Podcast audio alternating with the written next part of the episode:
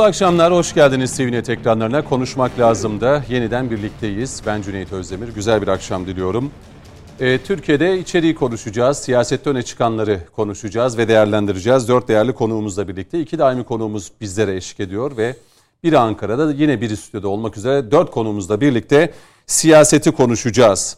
E, Demirler Genel Başkanı aynı zamanda Yeni Şafak gazetesi yazarı Mehmet Metiner bizimle birlikte. Mehmet Bey hoş geldiniz. Hoş buldum. İyi yayınlar. Güvenlik ve terör uzmanı Coşkun Başbuğ yine bu akşam bizlerle. Coşkun Bey hoş geldiniz. Hoş bulduk. İyi akşamlar, iyi yayınlar. Stüdyomuzda araştırmacı yazar Doğan Çağlar yine bizlere eşlik edecek. Doğan Bey siz de hoş geldiniz. Hoş bulduk. Teşekkürler. Ankara stüdyomuzda ise siyaset bilimci Doktor Murat Yılmaz e, bizlerle beraber ilk kez e, konuşmak lazım da bizlerle beraber olacak. Murat Bey siz de hoş geldiniz. Teşekkür ediyorum. Hayırlı akşamlar diliyorum e, stüdyodaki e, arkadaşlara ve TV Net seyircilerine. Çok sağ olun. Çok teşekkürler. İyi akşamlar hocam. Şimdi başörtüsü teklifi meclise geliyor ki bugün mecliste Adalet Bakanı ve AK Parti grubu e, mecliste bulunan partileri tek tek ziyaret etti. Ee, Cumhurbaşkanı Erdoğan'ın bugün grup toplantısında, AK Parti grup toplantısında yine CHP ve Genel Başkan Kılıçdaroğlu'na seslendi. Ee, eğer dedi başörtüsü meselesini bu kadar sorun yapıyorsanız çözümü hususunda o zaman başörtülü adayları e, seçin ve e, bunu e, kamuoyuyla paylaşın dedi. E, yine e, biz e, bunu anayasada güvence altına alacağız. Bu teklifi getirdik. E, ama bu mesele e, muhalefetin turnusol kağıdı olacak dedi e, Cumhurbaşkanı Erdoğan. E, tabii AK Parti partileri ziyaret ederken ki CHP, İyi Parti, e, MHP Hatta HDP de yine ziyaret edilen partiler arasındaydı. E, CHP'den ilk açıklama geldi. Engin Altay e, biz buna destek vermeyeceğiz. Yani bu anayasa değişikliği e, içerisinde olmayacağız dedi. Bunu konuşacağız. Kılıçdaroğlu, CHP Genel Başkanı Kemal Kılıçdaroğlu e, öyle bir şey söyledi ki Amerika dönüşünde Kasım ayını bekleyin demişti. 31 Ekim'i 1 Kasım'a bağlayan akşamı e, Türkiye Cumhuriyeti Devleti'ni uyuşturucu ticareti yapmakla suçladı cari açığı kapatmak amacıyla bunun yapıldığını söyledi. Emniyet Teşkilatı ve Jandarma Teşkilatı büyük bir töhmet altında bırakıldı. Hem İçişleri Bakanı'nın hem de Cumhurbaşkanı Erdoğan'ın açıklamaları vardı. Türk Silahlı Kuvvetleri'ne yönelik iftiranın ardından Emniyet Teşkilatı ve Jandarma Teşkilatı'na yönelik de böyle bir iftiranın atılması, böyle bir iddianın gündeme getirilmesi ne anlam ifade ediyor? Kılıçdaroğlu bunu niçin yaptı? Bunu da konuşacağız. Ee, yine başlıklarımızın arasında CHP'de Aslı Baykal istifa etti. Deniz Baykal'ın kızı. Ee, ve istifasının gerekçesinde ki gazeteci Nevşin Mengü soruyor. E, artık CHP benim görüşlerimi ifade eden bir parti olmaktan çıkmıştır diyor Aslı Baykal Nevşin Mengü'ye. E, bunu konuşacağız. Yine Türkiye'nin yüzyılı ve TOG'un açılışıyla birlikte ve CHP'li belediye başkanlarının vizyon söylemleri ortaya çıktı. İşte Bodrum Belediye Başkanı iki yıl boyunca biz bu heykeli yapmak için uğraştık dedi. Ee, CHP Mersin Büyükşehir Belediye Başkanı Vahap Seçer yüzyıla bakın dedi. Top, top, tüfek, İHA, SİHA. Böyle mi Türkiye yüzyılı olur dedi. Ee, masayı konuşacağız, anketleri konuşacağız, pek çok şeyi konuşacağız bu akşam da. Ben sadece birkaç başlığı özetlemek istedim. Mehmet Bey sizle başlayalım. Ee, başörtüsü teklifi artık mecliste turlar atılmaya başlandı kimin samimi, kimin bu anayasa e, teklifine e, evet diyeceğini hep birlikte göreceğiz. Ama CHP sanki tavrını belli etmiş gibi Engin Altay'dan gelen açıklamayla birlikte. E, bu mesele mecliste çözülecek mi? Yani anayasa kapsamında güvence altına alınacak mı? Başörtüsü teklifini getirip bu anayasa değişikliğine katılmayacak olan CHP ise ne yapmaya çalışıyor? Yani CHP aklı sıra AK Parti'yi köşeye sıkıştırmak istedi ama kendisi şu an köşeye sıkışmış durumda. Çünkü CHP'nin ideolojik genleriyle uyuşmayan bir teklifti bu. Ee, şunu da altını çizeyim. CHP'nin kutsallarının CHP'nin kutsallarından oluşan resmi ideolojinin Cumhuriyetin kutsalları olarak algılanmasına şiddetle ve hiddetle karşıyım.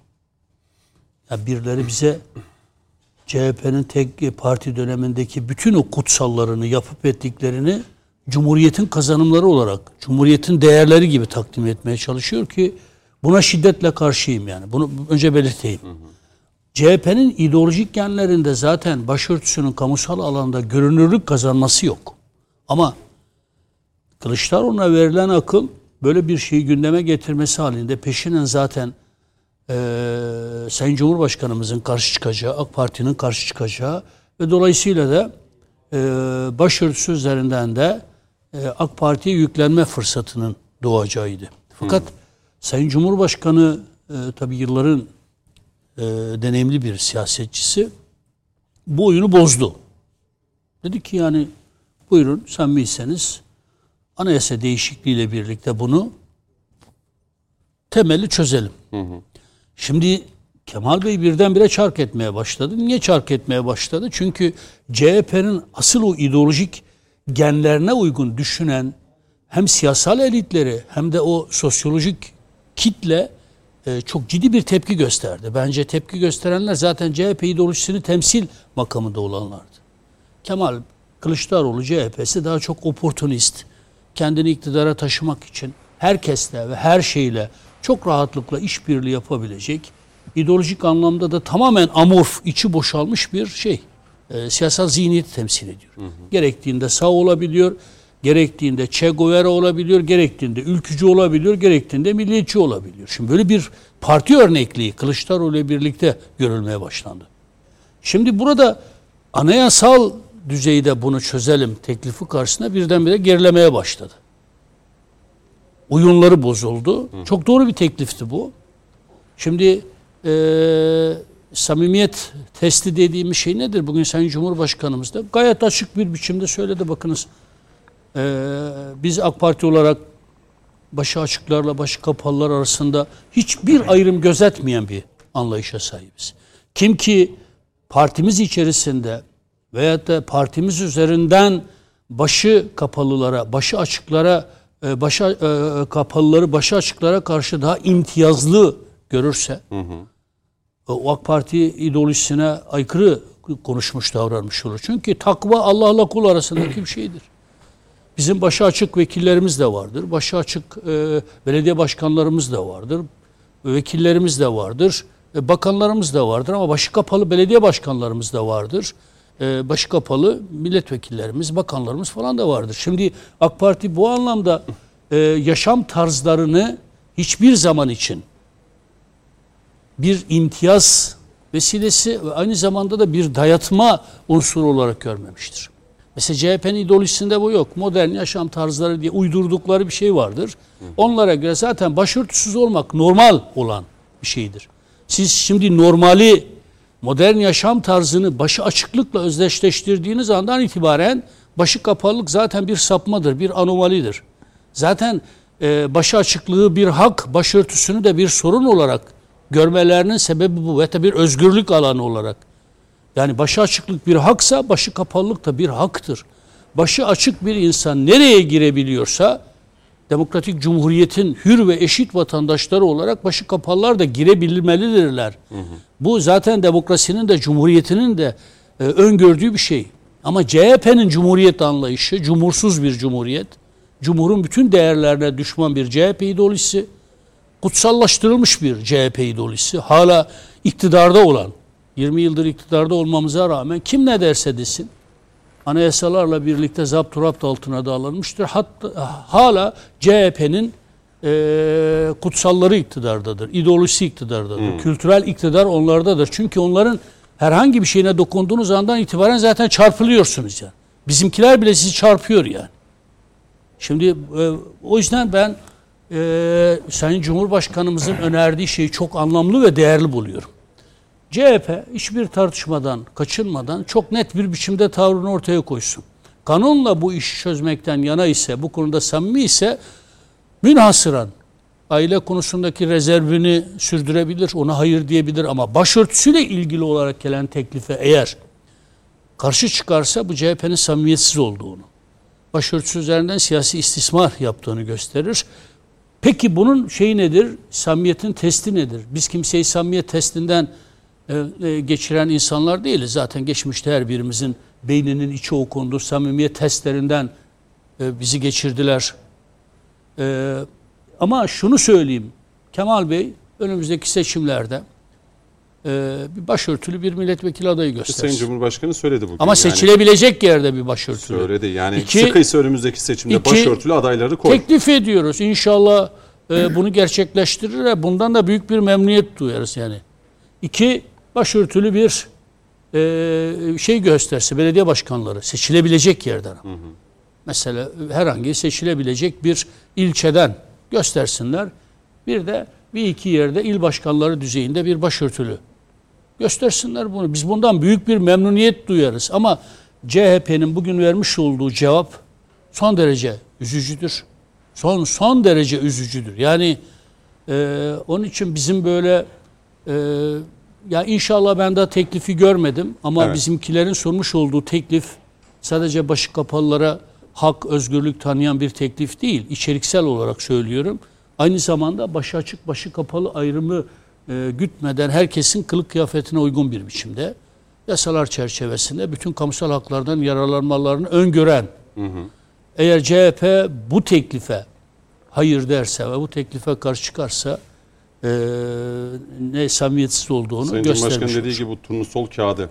Tornusul, tornusul işlevi Yani görüyor. biz diyor ki bir daha açılmamak üzere milletimizin gündeminden çıkartma yanında muhalefet için de bir turnusol kağıdı olacağına inanıyorum. diyor. Kesinlikle Bu- yani burada bu iyi, bunu iyi teklifi. Parti için de yani iyi Parti milliyetçi muhafazakar, dindar e, bilmem ne diye merkez sağda kendini tanımlayan bir parti, konumlandıran bir parti.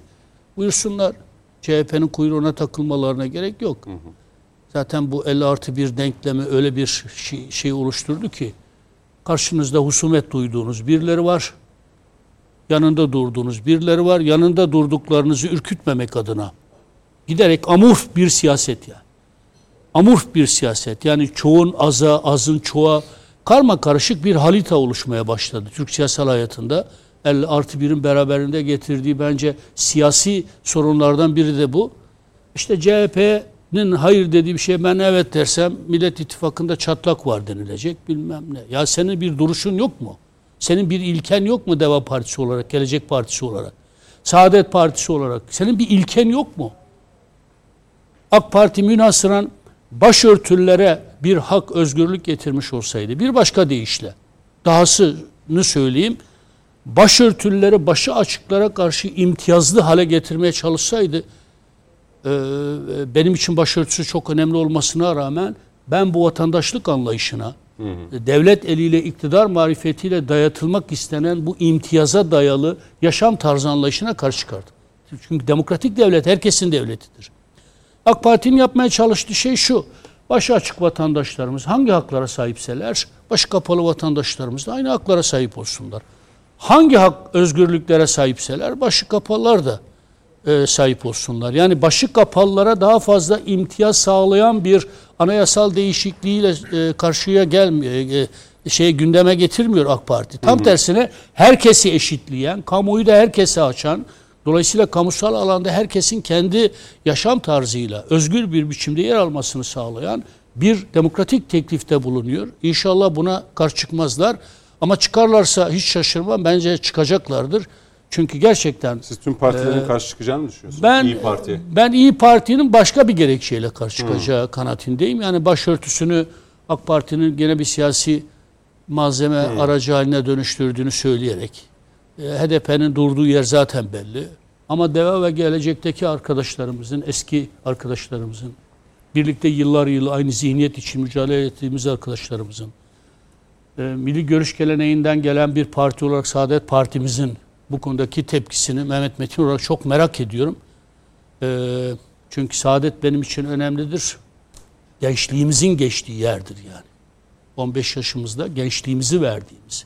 Yozgatlarda, Kayserilerde, Ağrı'da, Diyarbakır'da Erbakan Hoca'nın gittiği her yerde gencecik, tıfıl, yeni yetme delikanlılarken ölümüne mücadele ettiğimiz bir davadır. Bakalım tepkileri ne olacak çok merak ediyorum.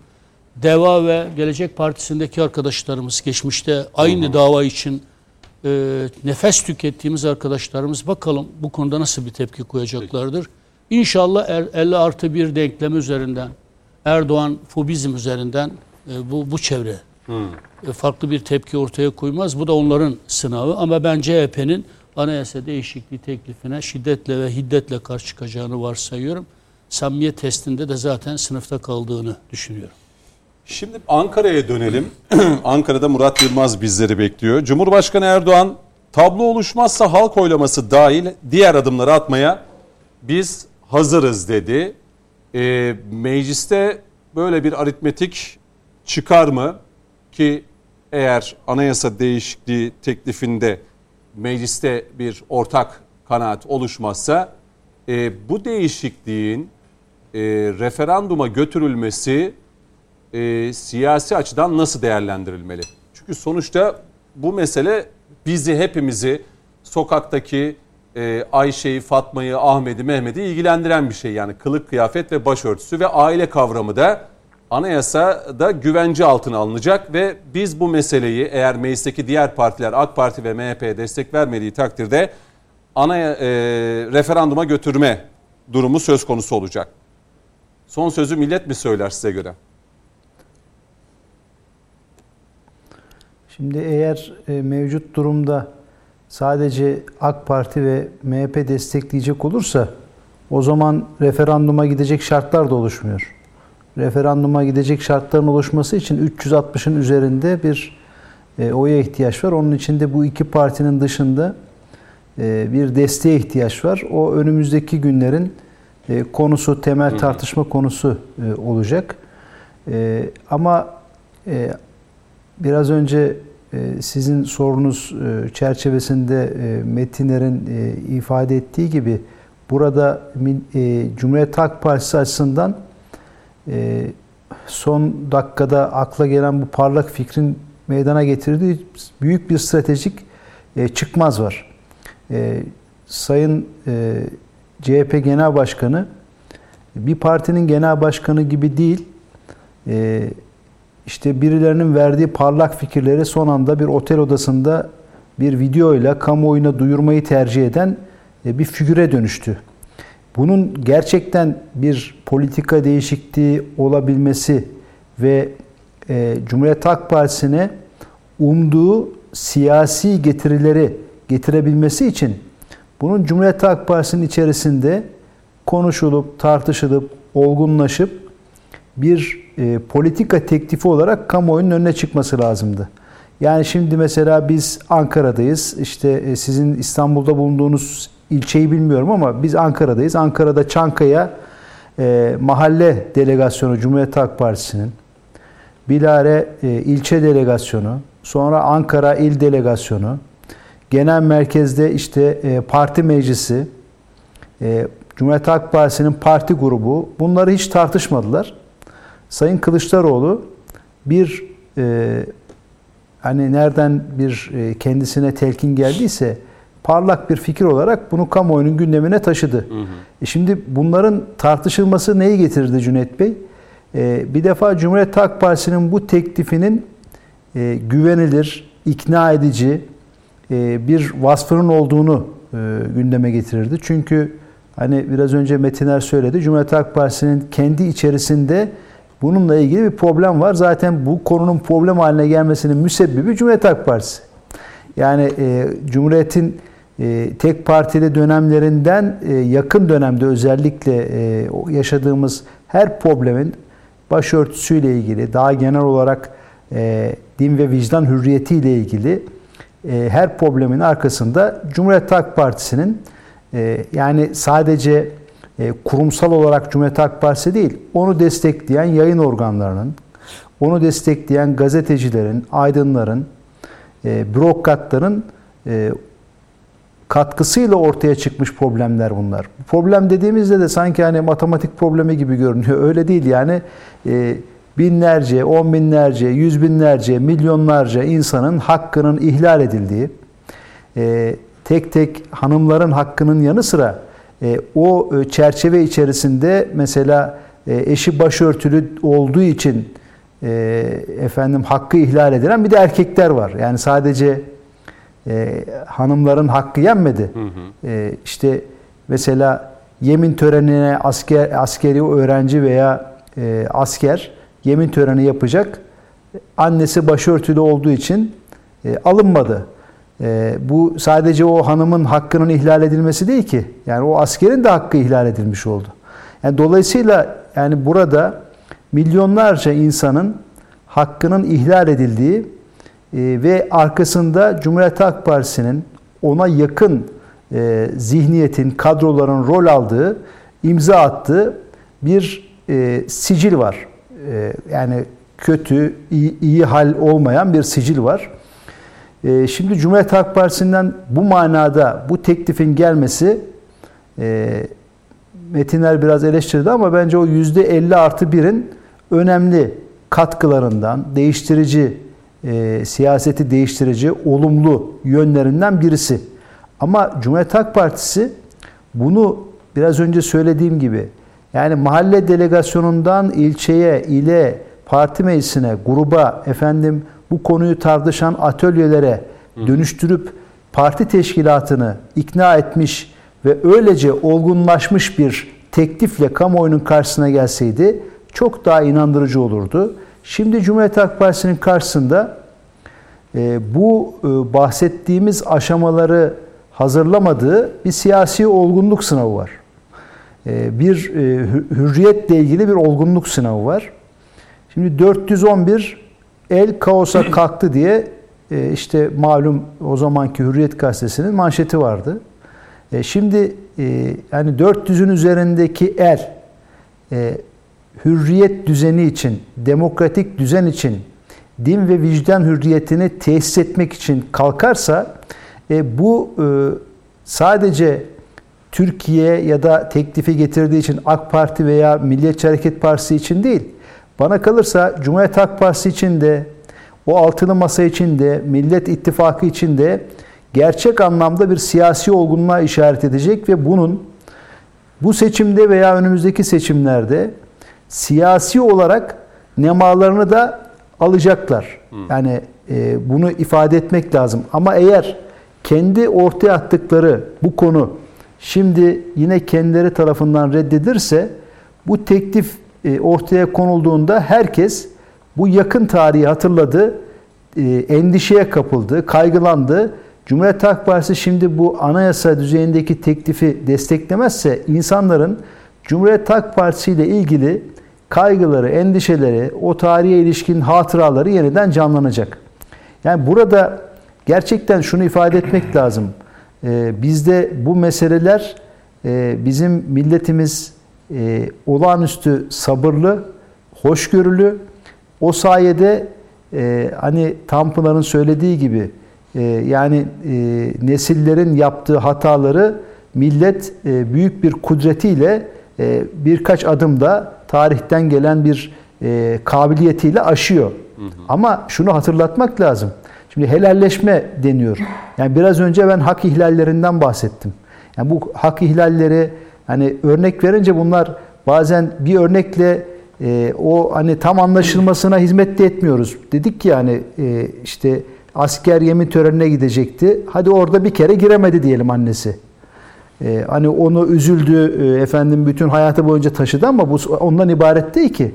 İnsanların hayatını etkiledi. Yani e, o öğrenciler okuyamadılar, o hayat Diploma çizgileri değişti. Alınmadılar. O hayat çizgisi öğrenciyle beraber bir ailenin hayat çizgisini etkiledi. E, bütün bunlar dolayısıyla e, burada hani o bahsedilen helalleşme eğer olacaksa hani o kanun değişikliğinin ötesinde hı hı. gerçekten bu e, hakları ihlal edilen kişilerden özür dilenmesi, helallik alınması gerekiyor. Yani şimdi bu kanun teklifi veya yapılırsa eğer anayasa değişikliği yapılsa bile bunun meydana getirdiği tahribat öyle bugünden yarına e, kalkmayacak. Dediğim gibi milletimiz gerçekten sabırlı, Ali Cenap e, ama e, bunları unutmamak lazım. Ben hani bunu da şunun için söylüyorum. Cumhuriyet Halk Partisi gerçekten samimi ise e, samimiyetini hani şöyle inançlarını, fikirlerini değiştirmek bakımından da söylemiyorum. Sahiden %50 artı biri elde etmek istiyorsa bile ikna ediciliğinin, güvenilirliğinin artması için yapması gereken şeyler var. Şimdi bunlar yapılmadığı zaman işte e, bunlar niye yapılmıyor?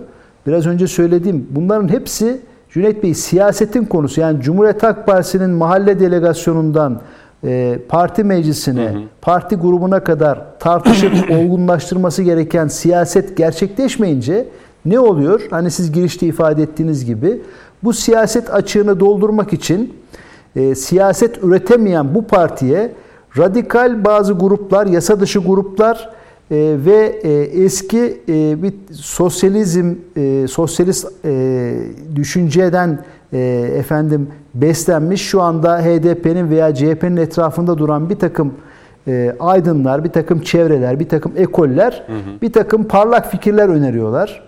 E, bunlar yeterli olmayınca işte FETÖ, e, PKK hattı fikirler öneriyor. O da yeterli olmayınca e, organize suç örgütlerinin liderleri e, bir işte tripod bir video e, marifetiyle e, bu çevrelere fikirler öneriyor ve hepsi de çok e, hayreti şayan bir şekilde tesbih gibi onun etrafına dizilip papağan gibi onları tekrar ediyorlar. Bu siyaset değil yani Cüneyt Bey. Asıl problem burada siyaset açığı var. Şimdi Sayın Kılıçdaroğlu şunu bekliyordu.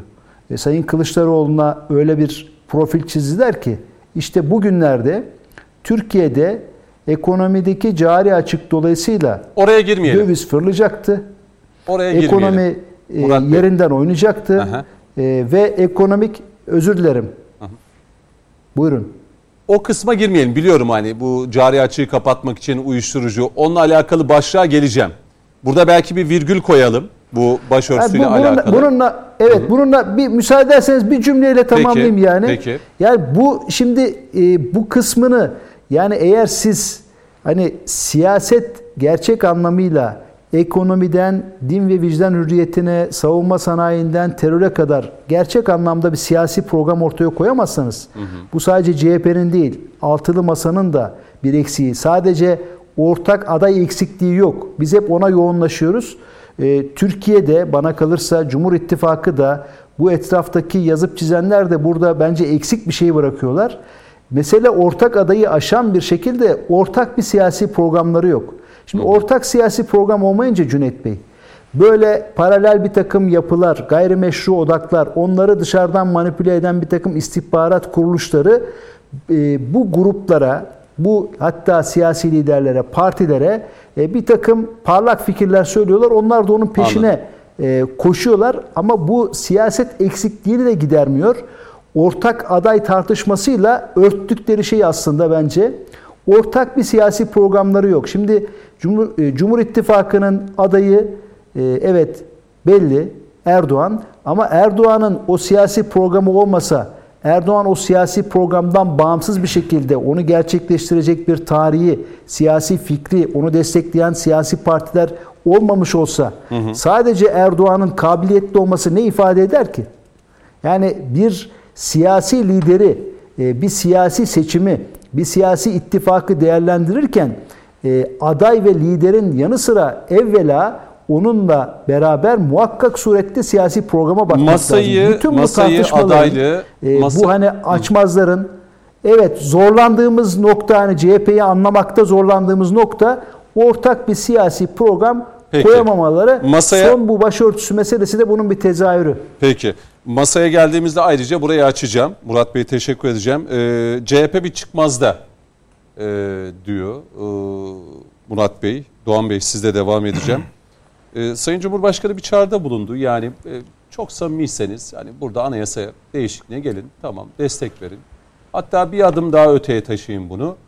Ee, genel seçimlerde başörtülü milletvekili adaylarını listeye koyun diye çağrıda bulundu. CHP kendi içinde bir devrim yapıp bilmiyorum tarihte daha önce var mı? Hayır. Sayın- Yok. Başörtülü bir adayı milletvekili listesine koyar mı? Seçilebilecekleri bir yerde birinci sıraya, ikinci sıraya, üçüncü sıraya. Bu siyasi e, nasıl diyelim cesareti e, alabilir mi? Evet. Siyaseten bu cesareti gösterebilir mi? Şimdi Sayın Kemal Kılıçdaroğlu'nun başörtülü danışmanları var bildiğim kadarıyla. Yalnız e, seçilecek bir yerden milletvekili gösterir mi göstermez bunu zaman gösterecek. Parti meclisinde de var galiba. Var, var. Var. Evet. Bir başörtülü birisi var. Evet doğru. yani milletvekili gösterir mi göstermez, göstermez mi onu zaman gösterecek. Şimdi ben Sayın Kemal Kılıçdaroğlu'nun ve CHP'nin e, bir kimlik karmaşası yaşadığını düşünüyorum. E, milliyetçi bir çizgiden mi olacak? Liberal bir çizgiden mi olacak? Muhafazakar bir çizgiden mi olacak? Yoksa işte HDP'ye yakın mı duracak? Ne yaptığını bilmiyor. Şu anda bir kimlik karmaşası yaşıyor. Şimdi Sayın Kemal Kılıçdaroğlu'nun e, bir helallaşma çağrısı vardı. Helalleşeceğiz diyordu. E, Sayın Cumhurbaşkanımız e, attığı bu adımla Sayın Kemal Kılıçdaroğlu'na bir helalleşme fırsatı tanıdı aslında. Madem ki e, helalleşeceksin, e, bu adımla kendisine aslında bir fırsat tanımış oldu. Samimiyet testi uyguladı kendisine. E, ve ilerleyen süreçte Sayın Kemal Kılıçdaroğlu'nun ne kadar e, samimi olduğunu e, Türk milleti görecektir. Şimdi e, Sayın Kemal Kılıçdaroğlu e, son zamanlarda olmayan sorunları varmış gibi göstermeye devam ediyor. Biliyorsunuz yani bu başörtü sorunu yaklaşık 10-12 seneden beri ülkemizde e, neredeyse ortadan kalktı. Kamunun ka- e, birçok alanda insanlar başörtüsüyle çalışabiliyor. İnsanlar üniversitelere gidebiliyor. Tabi e, ufak tefek istisnar kaydayı bozmaz. Ama genel manada bu sorun çözüldü. Sayın Kemal Kılıçdaroğlu e, bir anda işte bir pas attı. Sayın Cumhurbaşkanımız da ifade ettiği gibi ben e, eski futbolcuyum dedi. Hemen bunu gole çevirdi. Neticede bu fırsatı kaçırmadı. Şu anda bunu e, anayasa e, teklif olarak sundu. E şimdi baktığımız zaman 2008 yılında zannediyorum 2008 yılıydı değil mi e, Sayın Vekilim? Bununla ilgili bir e, yasa tasarısı gündeme geldiği zaman e, CHP bunu Anayasa Mahkemesi'ne götürmüştü. Sayın Kemal Kılıçdaroğlu da o e, heyetin İmza- başında öncülük ediyordu. Şimdi bir, bir İmza anda atan CHP Grup Evet. Başkan Vekili. Evet şimdi e, bir anda aklımıza o geldi. E, ve biliyorsunuz ki Sayın Merve Kavakçı e, bir zamanlar mecliste başörtüsüyle konuşma yaparken e, rahmetli Bülent Ecevit tarafından bu kadına haddini bildirin e, tarzında bir çıkışı oldu. Ondan sonra CHP'li milletvekilleri bunları e, kendisini ayakta alkışladılar. Ve e, orada kovularak neredeyse yani hanımefendi mecliste e, rencide edildi. Şimdi bunları da gördüğümüz zaman burada CHP'nin Sayın Kemal Kılıçdaroğlu'nun ne kadar samimi olduğunu Türk milleti herhalde ferasetiyle anlayacaktır. Şimdi bunları böyle bir üst üste koyduğumuz zaman Sayın Kemal Kılıçdaroğlu ne yapmaya çalışıyor sorusu tabii ki aklımıza geliyor. E sordular kendisine dediler ki bir anda neden bunu gündeme getirdin? Yani bu başörtüsü sorunu da aslında yok öyle bir sorun. Yani taraflı tarafsız herkes öyle bir sorun Masadaki olmadığını isimler de eleştirdi. ifade tabii ki eleştirdiler yani. Şimdi Sayın Vekilin de ifade ettiği gibi yani bir kere zaten e, kökten buna karşı olan vekilleri, danışmanları, genel başkan yardımcıları var yani. Hani onlardan da çok yüksek sesler çıktı. Yani ne gerek vardı böyle bir söyleme? Şimdi kendisine de sordular. Dedi ki ya işte biz bir iktidara gelirsek acaba tekrar başörtüsü sorunu yaşar mı? İnsanlar bunun endişesini yaşıyor gibisinden bir söylemde bulundu. Ya şimdi burada Kemal Kılıçdaroğlu'nun, Sayın Kemal Kılıçdaroğlu'nun e, anlamakta zorlandığı bir konu var. Şimdi Cumhuriyet Halk Partisi iktidara gelirse başörtüsü sorunu yaşanır mı yaşanmaz mı gibisinden bir kaygısı yok insanların. Cumhuriyet Halk Partisi iktidara gelirse bir güvenlik sorunumuz olur mu olmaz mı bunun kaygısını yaşıyor insanlar. Yani şu anda e, CHP'nin durmuş olduğu nokta terör örgütleriyle yan yana duran bir CHP. E, ondan sonra PKK'nın siyasi uzantısı haline gelmiş HDP ile yan yana duran bir CHP. AK Parti iktidarını devireceğim diye, Sayın Cumhurbaşkanı devireceğim diye e, FETÖ e, mensuplarına sahip çıkan, kanun hükmünde kararnameyle işte uzaklaştıranlara sahip çıkan bir CHP. E, ondan sonra PYD'nin, YPG'nin bize ne zararı var diyen bir CHP. Yani Atatürk'ün kurmuş olduğu bir Cumhuriyet Halk Partisi'nin e, genel ilkelerine uzaklaşmış bir CHP var. Dolayısıyla insanlar yani iktidara yani CHP iktidara gelmesi halinde başörtüsü sorunu yasak olur mu olmaz mı vesaire biz bunu bir daha bu sorunları bir daha yaşamayız kaygısı yaşamıyor aslında. Bir güvenlik sorunu olur mu olmaz mı insanlar bunu yaşıyor. Ve Sayın Kemal Kılıçdaroğlu e, maalesef e, az önce hocam da e, Murat hocam da bahsettiği gibi yani e, otel odalarında herhalde bir iki tane danışmanın kendisine vermiş olduğu süflelerle e, bir anda işte videolar çekip e, neredeyse bir internet fenomeni olma noktasına gitmeye başladı. E, zaten Cumhurbaşkanlığı adaylığı noktasında da e, net bir tavır sergileyemiyor şu anda. Baktığınız zaman çok ciddi eleştirileri var, çok ciddi söylemleri var. Her şeyi eleştiriyor ve her şeyin çözüm olarak kendisini görüyor, gösteriyor ve bir sihirli değnekmiş gibi e, kendini e, neredeyse ifade ediyor. E, ondan sonra da adaylığı noktasında herhangi bir söylemi yok, ona e, şey yok, ciddi bir adım yok. Ee, ve halen Cumhuriyet Halk Partisi Genel Başkanlığı'nda oturmaya devam ediyor yıllardan beri.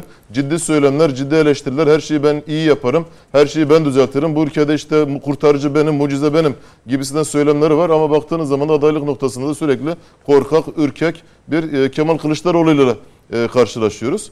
Dolayısıyla şimdi e, bu başörtüsüyle alakalı da e, söylemleri dediğim gibi Türk milletinin ferasetine takılacaktır. Sayın Cumhurbaşkanımız gerekli olan adımı attı. Sayın dedim ki Sayın Kemal Kılıçdaroğlu pası attı. Sayın Cumhurbaşkanı da mutlaka bunu göle çevirecektir. Ama mecliste onaylanır ama referanduma gider. Bir şekilde Referandumdan kaçabilir mi diğer partiler? yani tamam şimdi mecliste burada bu olmadı Şimdi diye. şu- şimdi Meclisteki burada- aritmetikte referanduma götürme konusunda Aslında burada da burada da e, Sayın Vekilimizin dediği gibi İyi Parti'nin samimiyetini göreceğiz.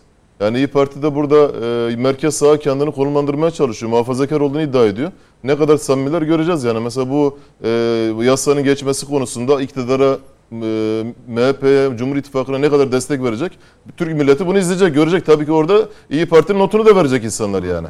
E şimdi Yani burada referanduma evet diyemezler çünkü referandumda mağlup olmaları halinde evet eee, seçimde de mağlup olacaklarının şeyini sinyalini alacaklar. O çünkü bir tür seçim olacak. evet. referandum. Aslında aslında erken seçim istiyorlar ya. Alın size erken, Erken seçim. seçim. Buyurun referanduma gidilsin. E, referandumda zaten başarılı çıkarsanız, bu alanda da başarılı çıkarsanız zaten 6 ay sonra, 7 yıl sonra Recep Tayyip Erdoğan'a güle güle der bu millet anlamına gelir. Buyurun erken seçim istiyordunuz. Bu referandum aslında bir tür erken seçim e, niteliği taşıyacaktır. Şimdi İyi Parti de tabii ki e, bir sınav vermiş olacak. Peki Şimdi bile bile hem mecliste böyle bir şeye destek vermemek hem de referanduma götürmemek e, muhalefet ve altılı masadaki partiler için bir handikap. Bunu Handikap. görmüyorlar mı? Şimdi Cüneyt Bey e, bir kere şunu net bir şekilde söylememiz gerekiyor. Bugün altılı masa diyelim biz artık. Hani İyi Parti ve CHP ile sınırlandırmayalım. E, masada fikir ve zihni bir çatışma var. Fikir ve zihne baktığınız zaman söylemler ve eylemler birbirini tutmuyor. Söylemler farklı, eylemler farklı. Mesela başörtüsünde olduğu gibi. Başörtüsüyle alakalı bir adım atacağız diyorlar. Ondan sonra işte yasa, anayasa teklifi sunulduğu zaman da neredeyse işte tavırları belli yani şu anda desteklemedikleri belli. Sadece e, bu başörtüsüyle ilgili birçok konuda fikir ve zihni bir çatışma yaşıyorlar. Yani hiçbir konuda hem fikir değiller. Yani şu anda e, kendi aralarında bile bir fikir birliği sağlayamayan bir altılı masanın Allah muhafaza yani iktidara geldiği zaman bu ülkeyi hangi noktaya, hangi karanlık noktalara götüreceğini düşünemiyorum. Şimdi İyi Parti'ye de az önce e, bir parantez açmak istedim. İyi Parti de merkez sağda, Sayın Vekilimiz açtığı için devamını getireyim. Yani merkez sağda muhafazakar bir parti olarak kendini e, anlatıyor. Aynı zamanda milliyetçi bir parti olarak kendini anlatıyor. Ama baktığınız zaman e, HDP ile yan yana duran, Ondan sonra e, yerel seçimlerden sonra HDP il başkanlıklarını ziyaret eden CHP ile yan yana duran, e, içlerinde bir e, milletvekilinin kalkıp da işte HDP'ye bakanlık verebiliriz diyen e, bir CHP ile yan yana duran, aynı zamanda Türk ordusunu kimyasal silah kullanmakla e, suçlayan bir CHP ile yan yana duran bir İyi Parti'den bahsediyoruz. Ve bu İyi Parti'nin içerisinde de milliyetçi kökenli, mesela Koray Aydın gibi, Yavuz Ayraloğlu gibi isimler var. Yani bu insanların şu anda bulundukları masada nasıl oturduklarını, buna nasıl ikna olduklarını ve vicdanları nasıl rahat olduklarını anlayamıyorum. Onu da söylemiş olayım. Yani burada e, İyi Parti de dediğim gibi bu e, ana- şey e, başörtüsü yasasıyla bera- beraber bunlar da sorgulanacak tabii ki. Yani bunlar da gündeme gelecek. Gerçi İyi Parti'nin Dolayısıyla şu an bilmiyoruz Burada İyi CHP Parti'nin Ha, yani burada İyi Parti'nin tabanını da tabii işte e, iyi düşünmeye, sorgulamaya da davet etmek lazım. E, ne kadar samimi olduğunu da bir sorgulamaları lazım partilerinin Tam genel başkanlarının. başörtüsü meselesi Tabii ki şu süreçte başörtüsüyle beraber bir tabii bir görsünler. Yani ben diyorum ki şu e, aslında bu başörtüsü sorunu yok ama bu başörtüsü sorunu da ki süreci iyi izlemesi gerekiyor Anladım. milletin. Samimiyet noktasında iyi izlemesi gerekiyor. Aslında bu tablo e, gelecekte vaat ettikleri Türkiye'nin tablosu olacak. Anladım. Tam da bu başörtüsü teklifiyle alakalı dün akşamdan itibaren Coşkun Başbu bir video da var. Sayın Akşener'in Mehmet Ali Bilan'da konuk olduğu Hmm, ve. Refah ana hükümetini ben yıktım. Her O bir hayır reklam var ya. arasında. O çok dönüyor. Hatta bugün kendisine de mikrofonlar yöneltildi bu soruldu ama bunu bir tarafa bırakayım. Ama İyi Parti'nin bu e, anayasa değişiklik teklifine nasıl bir destek vereceği ya da destek vermeyeceği açıkçası merak ediliyor. İyi Parti tabanında Türkiye'de bu meselenin çözülmesini bekleyen milyonlarca insan var. Merhum Bülent Ecevit'i hatırlattı Sayın e, Çağlar. Burası başörtülü bir milletvekili meclisteydi. Yıl kaçtı? 1997 miydi 98 miydi? 98 seçimleri. 98. Evet 98 seçimleri. Ben de 21-22 yaşlarında bir gençtim o zaman. Hala genciz. Allah başlasın. Allah nazardan saklasın. Hemen arada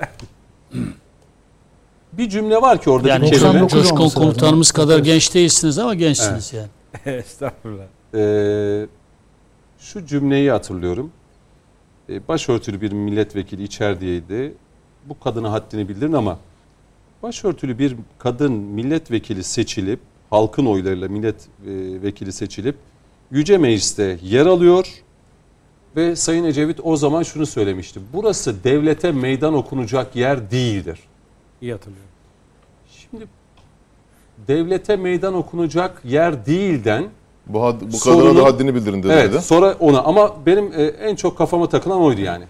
Başörtüsü e, devlete meydan okunacak bir şey miydi, bir mesele miydi? Hala bu düşünce tazeliğini koruyor mu? Ki anayasal değişikliğe e, evet ya da destek verme konusunda tabii hepsi için bir test olacak, bir imtihan olacak. CHP için belki büyük bir imtihan olacak.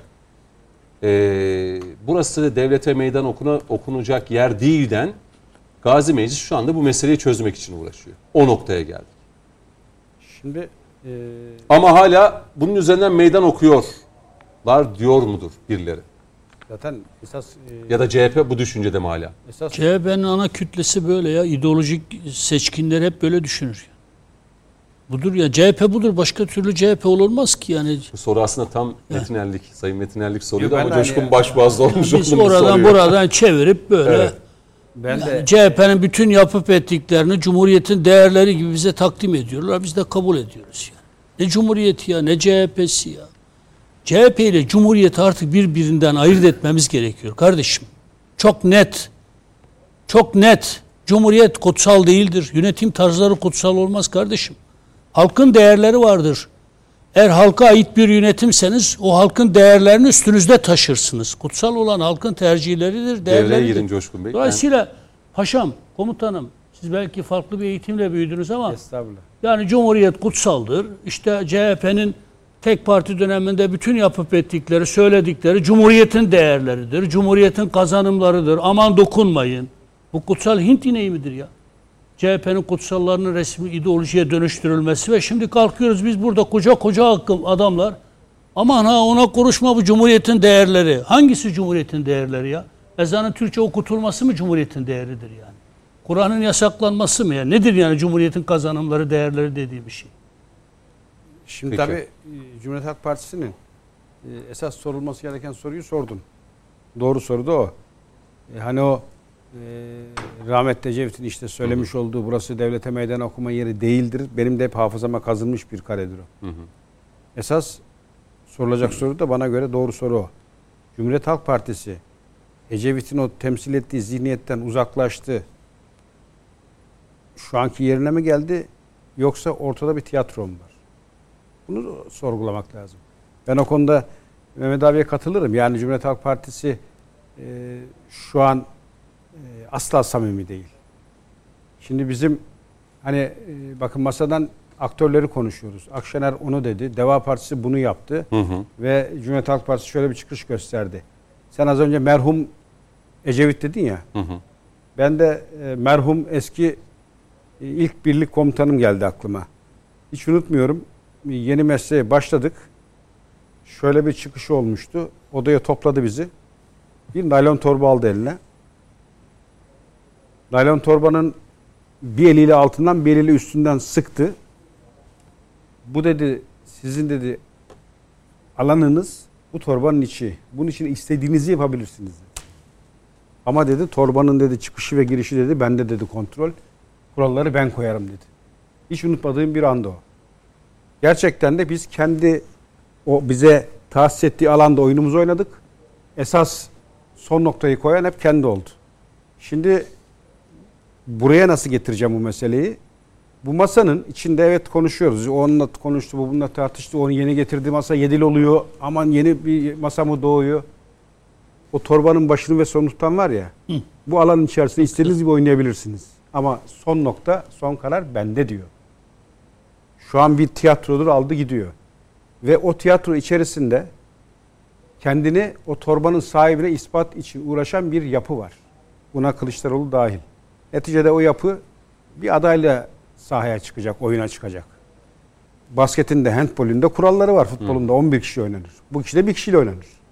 Neticede oradan bir tane aday ortaya çıkacak. Final yarışını hazırlayacakları. İşte şu an herkes Kılıçdaroğlu başta o bir kişiyi ben olayım. Hani bir kere de beni deneyini ben bana söylediğine inanmıyorum. Esas muhatabına söyledi. Yani bir kere de ben olayım Bir kere diye de beni dene. başörtüsü meselesini de çözeyim diye ortaya atılan Kılıçdaroğlu her şeyi eline gözüne yüzüne mi bulaştırdı? Şimdi işte onu e, getireceğim. Aciz öyle e, şey ki Kadir ki. Yani hamburger yedi böyle oldu yani. Heh, Yemez olaydı. aciz o panik öylesine gerçekten üzerine konuşulması gereken bir süreç ki. Burada aslında torbanın sahibinin de paniğini görüyorsun. Amerika'da da kafalar karışık. Onun olmuyor, bunda olmuyor. Bununla gidersem yolda kalırım diyor. Bu adamı benim bunda devirmem mümkün değil diyor. E nasıl Yani yapacak? reise rakip bulamıyor. Heh, doğru cevap o. Reis'e rakip bulamıyor. Şimdi hani e, futbola meraklı bir ülkeyiz. Şöyle düşünün. Hadi polemik olmasın bizden örnek vermeyin. Barcelona karşısına bir amatör kümeden takım çıkaracaksın. Hadi bunu yen diye. Şimdi Cumhurbaşkanı bak tahıl kordonu daha yeni konuşuluyor. Gerçekten benim de hayret ettiğim bir süreç. Putin çok net resti çekti. Ukrayna bu iş bitti dedi. Bir anda ikisinin de evet dediği bir süreç. Amerikalı şaşırdı ya. Nasıl becerdiniz? Sayın Cumhurbaşkanı öyle bir şey söyledi ki. Hani Bunu dedi, sana da dedi, ha, Biden'a da dedi. Biden'a anlatacağım. Heh. Şimdi böyle bir lideri konuşuyoruz. Şimdi bu liderin karşısına siz öyle birini çıkarmalısınız ki sahada size o beklediğiniz zaferi getirmeli. Kimle getirecekler? Kılıçdaroğlu'yla mı? Kimle getirecekler? Ee, Ali Babacan'la mı? Kimle getirecekler? Adaylık şeyini bir Akşener'le. tarafa bırakalım. Ha, da- şimdi dağılmasın şuraya diye. getireceğim. Mesela sizin görüşünüze göre Kılıçdaroğlu e, burada evet yani eğer lider olmak istiyorsa masada burada bir tavır yani başörtüsü teklifinde Şimdi- bir tavır şura- net bir tavır ortaya koyması lazım. Mesela milletvekili adayı belirler mi? Koyamaz. Koyamaz. Şimdi bak şöyle. Kendi iradesinin dışında mı bu meseleyi çözelim diye teklifi getirdi o Şöyle zaman? Kılıçdaroğlu e, bir atakla gündem oluşturuyor ve bir siyasi kazanım bir bir takım e, menfaat peşinde. Hı. Fakat karşısındaki oyuncu 20 yıldır fiilen iktidarda ve direkt de direksiyonun başında bir kişi. O kadar güzel kontrataklarla cevap verdi ki Cumhurbaşkanı. AK Parti'nin en güçlü olduğu konuda Kılıçdaroğlu e, er meydanına çıktı. Hani Şimdi bakın e, hep ama beklenti şu Kılıçdaroğlu'nda. Ben bu çıkışı yaparım altında kalırlar. Şimdi e, Kılıçdaroğlu daha doğrusu masanın derdi ne biliyor musun? Hep söylüyorum burada yineleyelim. Karşı taraftan oy devşirecek bir aday veya bir konu. Aday yok şu an. Karşı taraftan oy devşirebilecek. O zaman konu nedir? Başörtüsü. Bunu söylerim ve bunun bir bende siyasi kazanım olur diye düşündü. İşte az böyle bir şey. Hata üstüne hata yaptırır. Ayağa dolanmak böyle bir şey. Şimdi hani bırak kazanmayı bir de kaybet. Kendi tabanında da şu an ciddi bir kargaşa var. Hani çizgimizden uzaklaşıyor muyuz vesaire gibi. E şimdi e, hep şunu sorguluyoruz. Ya bu söylemler samimi mi? Yoksa gerçekten siyasi bir kaygıdan dolayı söylenen sözler mi? Arka planda farklı ajanda mı var? Arka planda farklı ajanda var. Yani ben asla samimi görmüyorum. Niye? Çünkü öylesine akıl tutulması ki. Mesela e, savunma sanayi. Avrupa'da dergilere konu, belgeseller yapılıyor uğruna. Bugüne kadar tek bir laf duymadık. Teknofest'te görüntüler verdi. Dedi ki destekliyoruz. Biz gelirsek bu süreç zaten yürüyecek, ilerleyecek. Ya senin hemen yanı başındaki dokunulmaz tanrı kulu nereye kulluk ettiğini benden iyi biliyorsun. Bu konuda senin o söyleminle tezatlaşıyor ama en ufak bir yaptırımı yok. Bunları- Nereye koyacaksın bunla- bunu? bu- bunları bir tarafa bırakalım. Şimdi- ya ben şu meseleyi anlamaya çalışıyorum. Şimdi Kılıçdaroğlu iradesi dışında mı, iradesi doğrultusunda mı bu başörtüsü teklifini sundu? E şimdi sunulan bir teklife dediğiniz gibi usta karşısında deneyimli yılların siyasetçisi çıktı topu aldı. Siz programda söylediniz 90'a golü attı. Şimdi burada bir test var. Yani Bunlar- bir insan bile bile kendi ayağına sıkar mı? Ama işte e, panik sıktırır. O korku hali, o panik sıktırır. Ya bu meseleyi anayasada güvence altına alacağız. CHP gel işte. Şimdi o zaman şöyle- ilk verilen teklif samimi değil. İşte o hesap edemediği kontrataklar bunlardı. Mesela diyor ki Kılıçdaroğlu ben hani bu başörtü dahil şu söyleminde kendi iradesi içinde altında söylediğin kanaatindeyim. Hani dedim ya torbanın Evet, içerisinde evet. rahat hareket edebilirsiniz. Sizin alanınız bu diye. O alanda Kılıçdaroğlu'nun kendince bulduğu iki tane çözüm yolu. Ne diyor? Çık karşıma. İddia ediyorum. Cumhurbaşkanının bir kere yani sıfat eksikliği var. hangi sıfatla seninle bir programda buluşacak? Aday olursun. Dersin ki bak senin makama adayım. Doğrularım yanlışlarım bu. Cumhurbaşkanı der ki şurada şu hatam var, burada bu hatam var. Biz bunu yapacağız. Sen şurada hata yapacaksın der. Bir çe- çekişme, bir yarışma olur. E şimdi karşıdakinin sıfatı yok. Çık karşıma diyor. Ben buradan yine iddia ediyorum. Cumhurbaşkanı dese ki o çizgiyi e, açsa çıktım karşına seç hangi e, televizyon kanalı derse yemin ediyorum ilk Kılıçdaroğlu kaçar. Çıkamaz ekrana. Aynı başörtüsünde olduğu Sayın gibi. Kılıçdaroğlu şunu söylüyor. Cumhurbaşkanı e, adaylığımdan korkuyor diyor. Aday olursam, aday olmamdan korkuyor diyor. Valla şimdi bana göre masanın yakışanı hani ağa babası kimse oradan bir adayın çıkması. Herkes üzerinde mutabık. Ama e, Cumhurbaşkanı karşısındaki en kolay rakiplerden birisi de Kılıçdaroğlu olur. Şimdi Kılıçdaroğlu diyor ya adayım diye. Yani bu masadan onay çıkar mı Kılıçdaroğlu'na? Cumhuriyet Halk Partisi'nin onay çıkar mı Kılıçdaroğlu'na? Yani Bırak masayı. Cumhuriyet Ee, Halk Partisi'nin kendi içinde Kılıçdaroğlu'nun adaylığını destekliyoruz diyen ne kadar adam çıkar? Bunu bana göre bir yoklamak lazım. Çünkü üçe bölünmüş. Ya da başörtüsüne destek verecek olan bir Kılıçdaroğlu'nu ve CHP'yi düşürelim mecliste. vermeyecek bir takım gerekçelerle Ya hepimiz aynı Süreci- evet hepimiz aynı düşüncedeyiz. Şu an söylenen bu. Mecliste velev ki tam tersi bir tablo çıktı ortaya. Çıkar mı? Çıkmaz. Çıkmaz. şimdi burada e, Sayın Metinen çok yalnız soğukkanlı. Çıkmaz. Çıkmaz yani çünkü meclisi biliyorum meclisin şeyini çünkü Erdoğan'a seçim öncesinde siyasi prim sağlayacak hiçbir iş ve eylemin içinde olmazdır. CHP'nin diyeceği şey şudur. Kanun Niye teklifimiz diyemez mi mesela Kılıçdaroğlu? Bak şey- Bakın biz de destek verdik. ben işte. söyleyeyim yarın da konuşa. CHP diyecek ki kanun teklifi verdik zaten evet derseniz bu iş çözülür. Niye önce anayasa değişikliği getiriyorsunuz?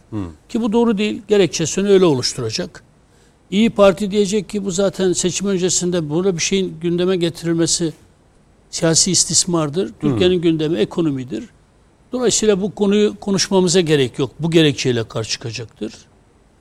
Dolayısıyla meclisten şey çıkmaz. Anladım çıkmaz. Ama ben muhalefet partilerimize buradan sesleniyorum. Erken seçim istemiyor muydunuz arkadaşlar? tam ölçüsü. Referandum. Buyurun referanduma gidin. Zaten referandumda Erdoğan yenilirse yani anayasa teklifiyle birlikte yenilirse sandığa gömülürse merak etmeyin zaten 2023'te de gidicidir demektir yani. Erken seçim istiyordunuz. Buyurun referandumu erken seçime dönüştür.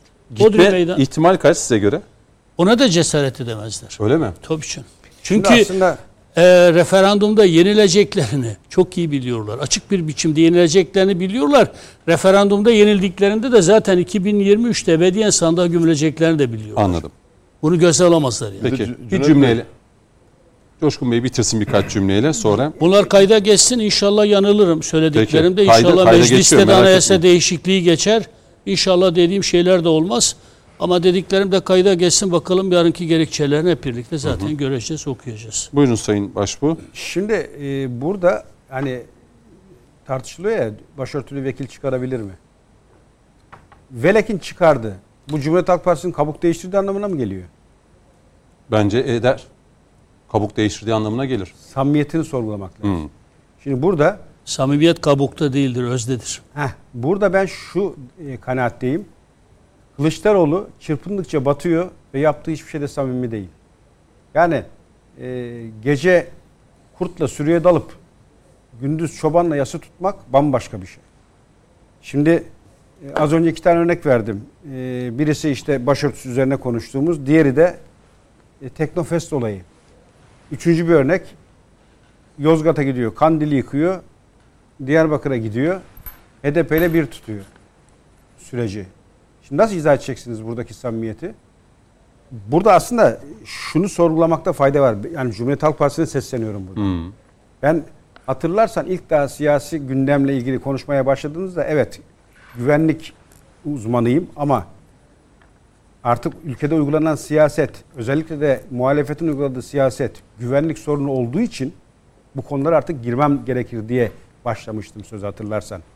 Şimdi hala aynı yerdeyim. Cumhuriyet Halk Partisi muhalefet kanadının altılı, yedili, sekizli masanın uygulamış olduğu siyaset bir güvenlik sorunu. Bakın İngiltere'de ve biz şu an niye gidildi, amaç ne bilmiyoruz. Amerika'yı belki tartışırız birazdan gündem. Birazdan gireceğiz İngiltere. Hiç oraya mevzuya Şimdi- girmeyin. ha, Başörtüsüyle alakalı bitti mi söyleyeceğiniz? Girmeyeyim, şunu diyeceğim son söz. e, ben nasıl diyorsam muhalefet kanadı güvenlik sorunu ülke için diye Cumhuriyet Halk Partisi'nin içinde de varsa bir güvenlik uzmanı artık Kılıçdaroğlu parti için güvenlik sorunudur diyebilmesi lazım. Hani bırak siyaseti partisini çıkılmaz bir tünele doğru hızla götürüyor ve Cumhuriyet Halk Partisi'nin gerçekten bu akılla giderse kendi içinde de çarpışacağı tonla konu var. Peki. Ha, dağılmaya götürür mü ileride sorgulamak lazım ama bana göre artık Cumhuriyet Halk Partisi de kendi içinde bir iç hesaplaşmaya gitmeli. Şimdi o zaman var mı bir cümle, bir cümle cümle, var. alayım ikinci başlığa geçeceğim hemen Sayın Evet Metin Erdem. şimdi e, mesela bu başörtüsünü eğer iktidar kanadı gündeme getirseydi derlerdi ki ya işte gündem değiştiriyorlar. Evet. Değil evet. mi? Böyle bir suçlamaya giderlerdi. Bir de e, ekonomiyi eleştiriyorlar. Ekonomiyle ilgili bir proje yok. Dış politikayı eleştiriyorlar. Onunla ilgili bir proje yok. Ama olmayan bir sorunu gündeme getiriyorlar. Ondan sonra da kuyuya bir taş atıyor. E, Sayın Cumhurbaşkanı hariç herkes onu çıkarmaya çalışıyor. Ki Sayın Akşener de zaten Evet.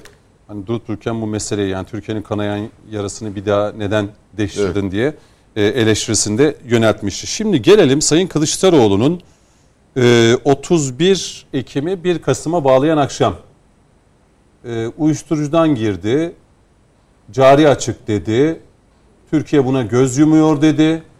Emniyet teşkilatı, polis teşkilatını, e, jandarma teşkilatını büyük bir töhmet altında bırakacak açıklamalarda bulundu.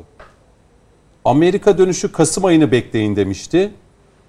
E, Kasım ayında açıklayacağı, söyleyeceği şey bu muydu size göre? Türk Silahlı Kuvvetleri'ne iftiranın ardından jandarma ve emniyet teşkilatına da yönelik ve Türkiye Cumhuriyeti Devleti'nin de uluslararası e, ölçekte Türkiye uluslararası anlamda uyuşturucuya göz yumuyor ve uyuşturucu ticareti yapıyor. Türk Silahlı Kuvvetleri kimyasal silah kullanıyor. Evet. Yani uluslararası anlamda iki meselede Türkiye'yi Zor durumda bırakmaya çalışıyor. zor durumda bırakmanın bir parçası mı bu? Bu oyunun bir devamı mı? Nedir size göre? Şimdi bir soru soracağım sadece. Çünkü prensip olarak bilmediğim konularda konuşmam, niyet sorgulaması yapmam. Önümde bir delil olmadan da asla siyasi bir şey yapmam. Ama soru şu. Acaba Kemal Bey'in kayıp olduğu o 7-8 saatlik süre içerisinde birisi kulağına hamburger yerken bir şey fısıldamış olabilir mi? Soru bu. Çünkü gelir gelmez gündeme getirdiği konular hakikaten de ancak e, e, Türkiye Cumhuriyeti Devleti'ni, AK Parti hükümetini bahsetmiyorum. Erdoğan'dan bahsetmiyorum. Türkiye Cumhuriyeti Devleti'nin itibarını yerle yeksan etmeye çalışan e, argümantasyonlar. Şimdi daha önce Amerika gündeme getirmişti.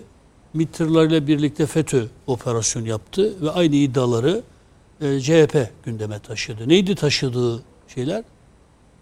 İslamcı terör örgütlerine AK Parti hükümeti destek sağlıyor. Silah yardımı yapıyor. FETÖ zaten bu gerekçeyle MİT tırlarına operasyon yapmıştı ve e, aynı argümanlar üzerinden Cumhuriyet Halk Partisi, Cumhuriyet Halk Partisi'nin siyasi aktörleri sörf yapmışlardı.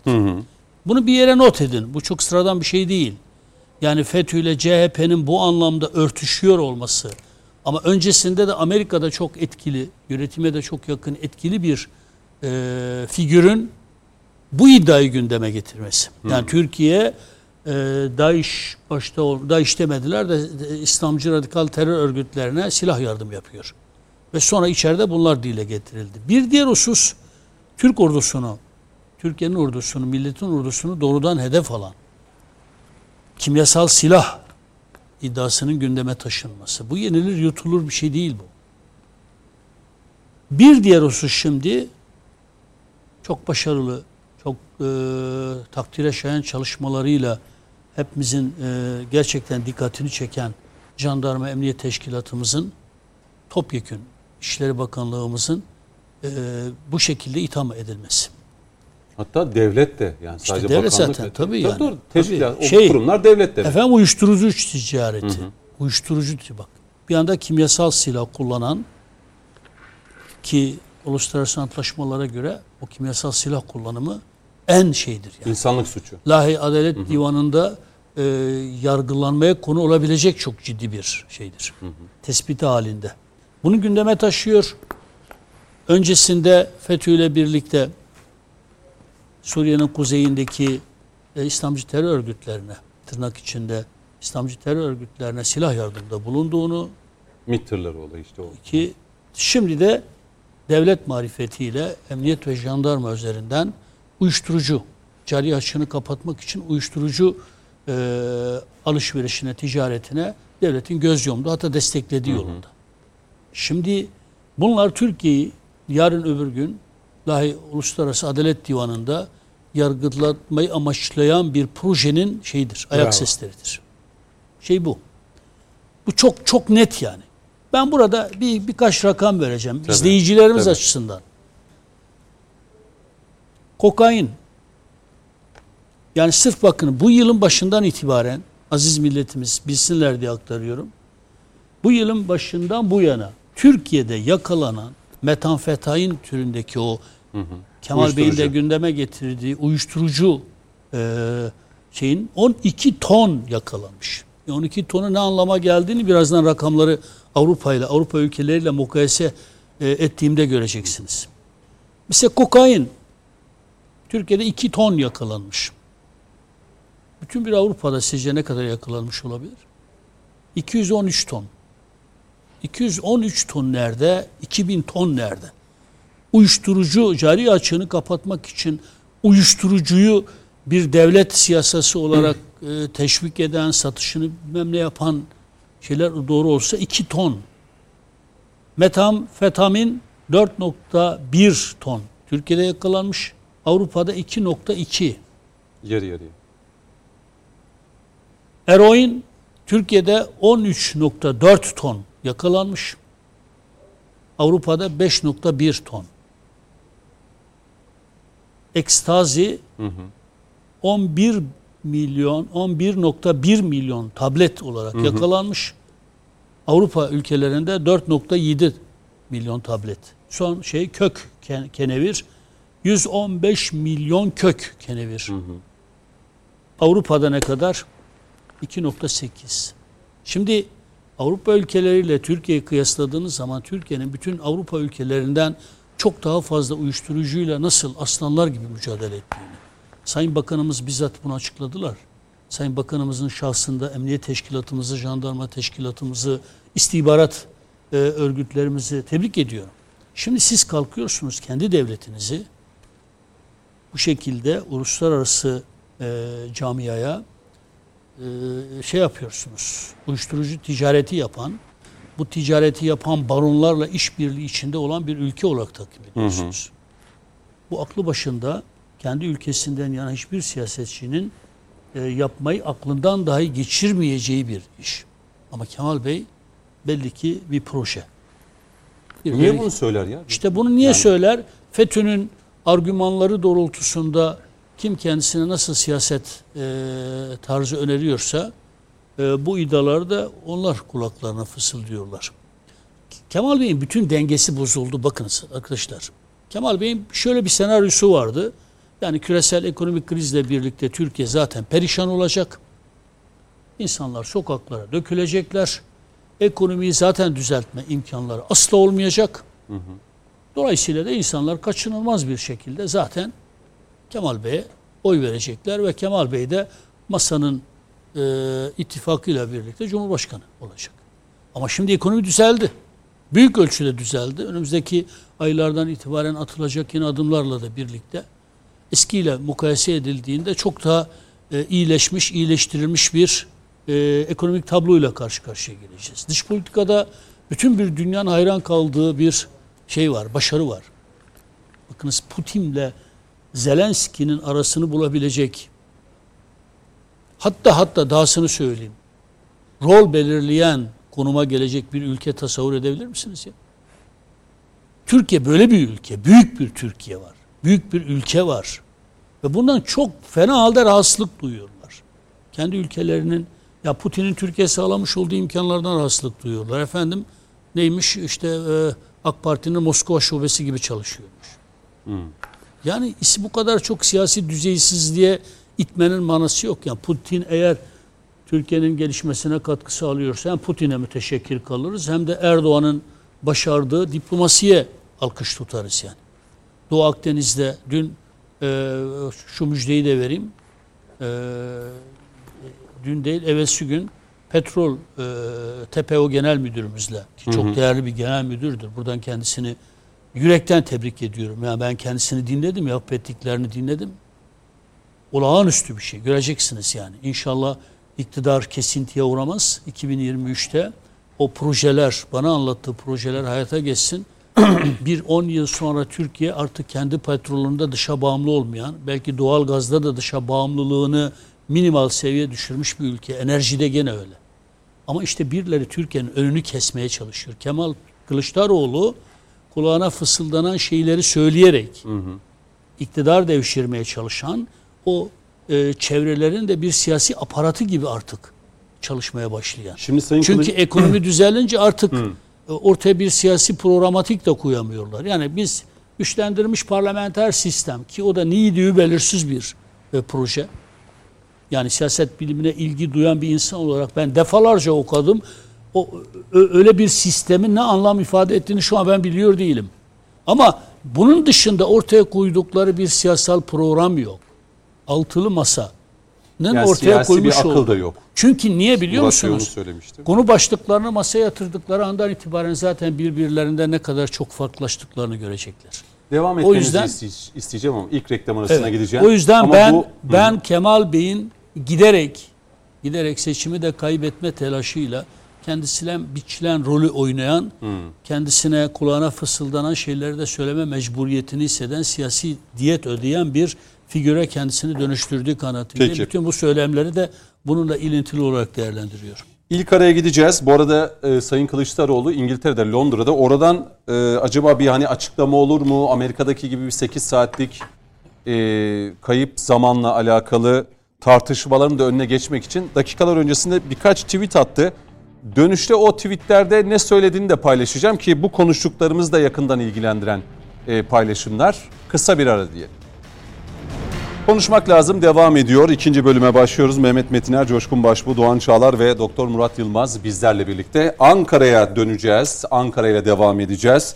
Ee, Kılıçdaroğlu'nun iftiralar serisi e, açıkçası herkesi şaşırtıyor ki kimyasal e, iddiası da CHP Genel Başkanı düzeyinde ya da kurmayları düzeyinde de Bir de Net bir şey bir bir şey söyleyeyim mi ben E, Murat hocam? Murat Hocam Murat şu anda Hocam- Sözcüsü. buyurun. He, sen de buna bir değinirsen sevinirim. Yani bu soruyla bağlantılı. Sabit konuklu olduğum için ben de soru sorma hakkımı kullanıyorum. Tabii. Şimdi bakınız Estağfurullah. Pervin Buldan bugün bir açıklama yaptı. Cumhuriyet 100 yıllık yıkım sürecidir. Evet, evet. Cumhuriyeti kim kurdu? Cumhuriyet Halk Partisi kurdu. Mahir Ünal'a şarlayan o çevrelere sesleniyorum. Katılırsınız, katılmazsınız Mahir Ünal'ın söylediklerine. Üslubuna katılırsınız, katılmazsınız. İçeriğine katılırsınız, katılmazsınız. O bahsi diğerdir. Mahir Ünal'a şarlayanlar, Cumhuriyet 100 yıllık yıkım sürecidir diyen Pervin Buldan için niye tek kelime etmezler? Siz CHP'den bir tepki duydunuz mu? Ben Ankara'da değilim. Siz Ankara'dasınız duydunuz mu? İyi Parti'den bir tepki duydunuz mu? Yok hayır. Deva Partisi'nden, Gelecek İYİ Partisi'nden, Parti'den Saadet Partisi'nden. Ama herkesin gücü Mahir Ünal'a yetiyordu. Nokta. Peki. Ee, evet, Kılıçdaroğlu şimdi Londra'da e, bu ta- yani bu meseleyle alakalı birkaç tweet attığını belirtmiştim. Belki Murat Bey size sözü öyle bırakacağım. Ee, Sayın Kılıçdaroğlu şunu söylüyor. Ee, temiz paranın girdiği sokaktan kirli para hemen kaçar. Ben bu parayı bulup getireceğim. Bunun için Londra'dayım. Burada görüşeceğim. Bazı yatırım bankaları ve girişim sermayesi fonları dünyada 5 trilyon dolar parayı yönetiyor. Halkımdan ricam sabırla Kasım sonunu bekleyin diyor. Şimdi Kasım'ın başını bekleyin demişti. Ee, Kasım'ın sonunu bekleyin diyor ama bu uyuşturucuyla alakalı hem devlet kurumlarını hem Türkiye Cumhuriyeti Devleti'ni böyle büyük bir töhmet altında bırakmanın arkasında size göre e, ne yatıyor? Soruyu sorayım ve cevabını almak istiyorum. Buyurun. Teşekkür ederim. E, Metiner'in sorusuna da e, bu seri içerisinde e, cevap vermeye çalışacağım. Şimdi esas itibariyle e, Cumhuriyet Halk Partisi'nin temel açmazı e, Cumhuriyet Halk Partisi'ni tesiri altına alan kuruluş dönemlerinde de e, tesiri altına alan, bizde modernleşme döneminin e, bileşenlerinden birisi olan bir radikal batıcılık var. Bu radikal batıcılık bazen fikri düzeyde bir batıcılık, bazen de bu e, fikirler anlamını e, kaybettiğinde e, nasıl onu söyleyelim bizzat büyük elçilere tabiyet üzerinden batıya teslimiyet anlamında bir batıcılık. Bunların arasında salınıp gelen şimdi mesela öyle gariplikler var ki bu resim içerisinde ancak anlam kazanabiliyor. Emperyalizme karşı bir ideoloji olarak ortaya çıkmış olan sosyalistlerin sosyalist ideolojiyi kabul ettiğini ifade eden PKK, PYD'nin Amerika Birleşik Devletleri'nin özel kuvvetlerinin nezaretinde, eğitiminde, hava kuvvetlerinin desteğinde ve lojistik desteğinde Rojava'da devrim yaptığını düşünen mesela bizde radikal batıcılık kökeninden gelen sosyalist bir blok var. Şimdi bu batıcılığın muhtelif versiyonları var. Bu versiyonlar Cumhuriyet Halk Partisi'ne kuruluş döneminden itibaren ben Cumhuriyet Halk Partisi'nin tamamen onların kontrolünde olduğunu düşünmüyorum. Büyük hatalar yaptırdılar.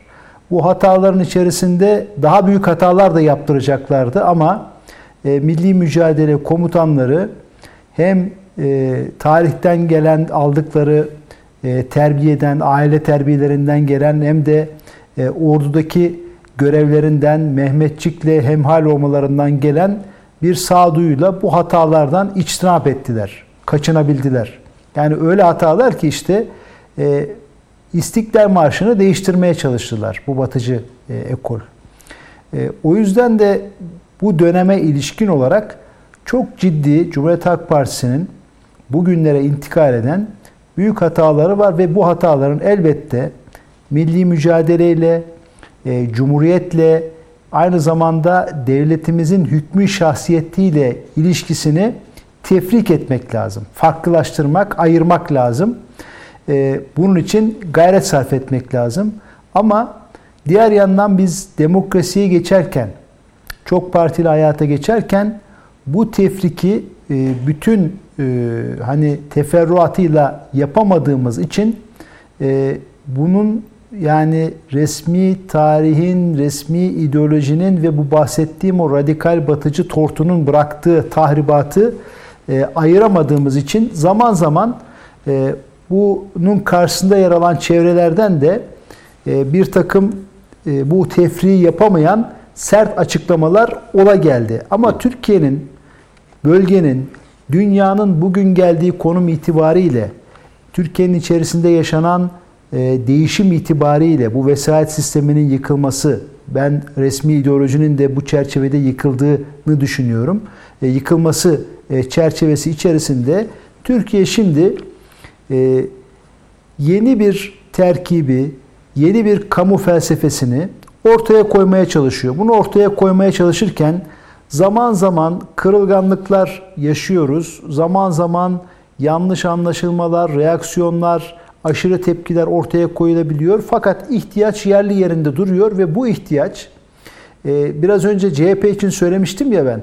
CHP'deki gibi e, esas itibariyle e, hani sadece siyasette yapılacak açıklamalarla değil, kültür salant alanında, fikir alanında geniş ölçekli tartışmaların Türkiye'nin birikimini, Türkiye'nin medeniyet birikimini, demokrasi birikimini, devlet birikimini e, içine alacak bir genişlikte bu yeni kamu felsefesine eski geleneği de devlet geleneğini de ihtiva eden bir şekilde yansıyacağı bir döneme doğru gidiyoruz. E, bu kaçınılmaz bir şey.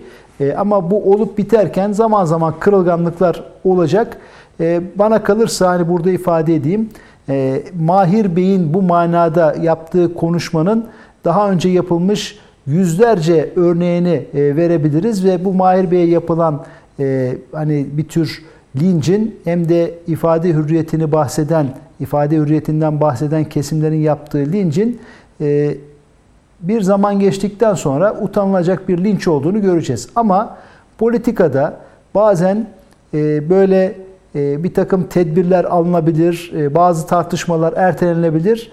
Bu çerçeve içerisinde bunlar da yine Tanpınar'ın söylediği gibi milletimiz bu büyük kudretiyle, tarihten gelen kudretiyle, emsalsiz sabrıyla, ferasetiyle burada aşacak. Şimdi Cumhuriyet Halk Partisi bütün bu bahsettiğimiz bu genel çerçeve içerisinde Cüneyt Bey e, bir türlü kendisini yenileyemedi. Yeni duruma intibak edemedi. Çok partili hayata geçtik. Sonra Cumhuriyet Halk Partisi'nin yaptığı birçok kongre vardır. Bu kongreler, kurultaylar, onlar kurultay der.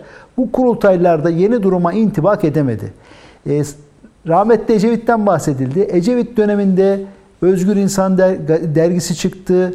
Efendim e, mülkiye cuntası denilen aydınlar çıktı. Ecevit'in kendisi olmadığı kitaplar yazdı. Bu düzen değişmeli, şu bu falan filan diye. Ama Ecevit'in bile ne kadar değiştiğini işte Merve Kavakçı meclise geldiğinde gördük.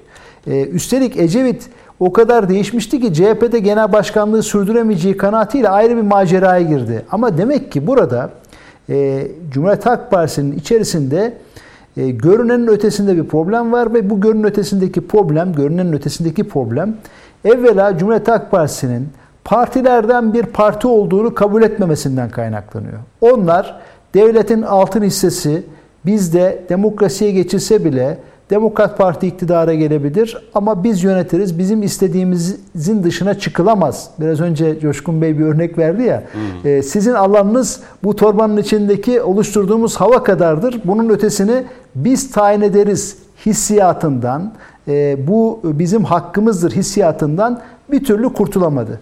E, ama milletimiz bu hissiyata e, her seçimde, her krizde teslim olmadığını gösterdi. Şimdi Cumhuriyet Halk Partisi siyaset açığı içerisinde siyaset üretemiyor. Böyle olunca da kayıt dışı siyaset yapan biraz önce örnekler verildi. Mesela FETÖ MİT tırlarında 17-25 e, Aralık darbe, yargı darbesi teşebbüsünde kayıt dışı siyasetle siyasete müdahale etmek istedi. Şimdi bu e, hatırlayalım yine Cumhuriyet Halk Partisi'nin kürsüsü bu iddialara tahsis edildi. Cumhuriyet Halk Partisi kürsüsünden FETÖ'nün ortaya koyduğu iddialar dile getirildi. Şimdi mesela çok yazıktır. E, ben hatırlatmak isterim. Geçtiğimiz sene Mayıs, Nisan aylarında o zaman bu salgın dolayısıyla biraz daha evlerdeydik. Yine hatırlayalım yine bir e, organize suç liderinin e, efendim iddiaları eşliğinde tıpkı bugün Sayın Kılıçdaroğlu'nun söylediği gibi uyuşturucu üzerinden Türkiye'ye narko devlet e, ithamıyla bir kampanya yürütüldü. Şimdi ellerinde yani bu grupların ve onlara akıl veren istihbarat kuruluşlarının çok fazla argüman yok Cüneyt Bey. Nasıl darbede yapmaları gereken e, bir takım aşamalar varsa burada da yürüttükleri seçime giderken yürüttükleri kampanyadaki argümanlar da sınırlı. Çünkü e, bekledikleri türden gelişmeler olmadı ve Türkiye kendi içerisinde olağanüstü değişimle beraber birçok problemi aşacak. Mesela ekonomide bu problemi aşacak bir tercihte bulundu. Ben eksikleri, hataları, kusurları ayrıca konuşabiliriz hı hı. ki bana göre var.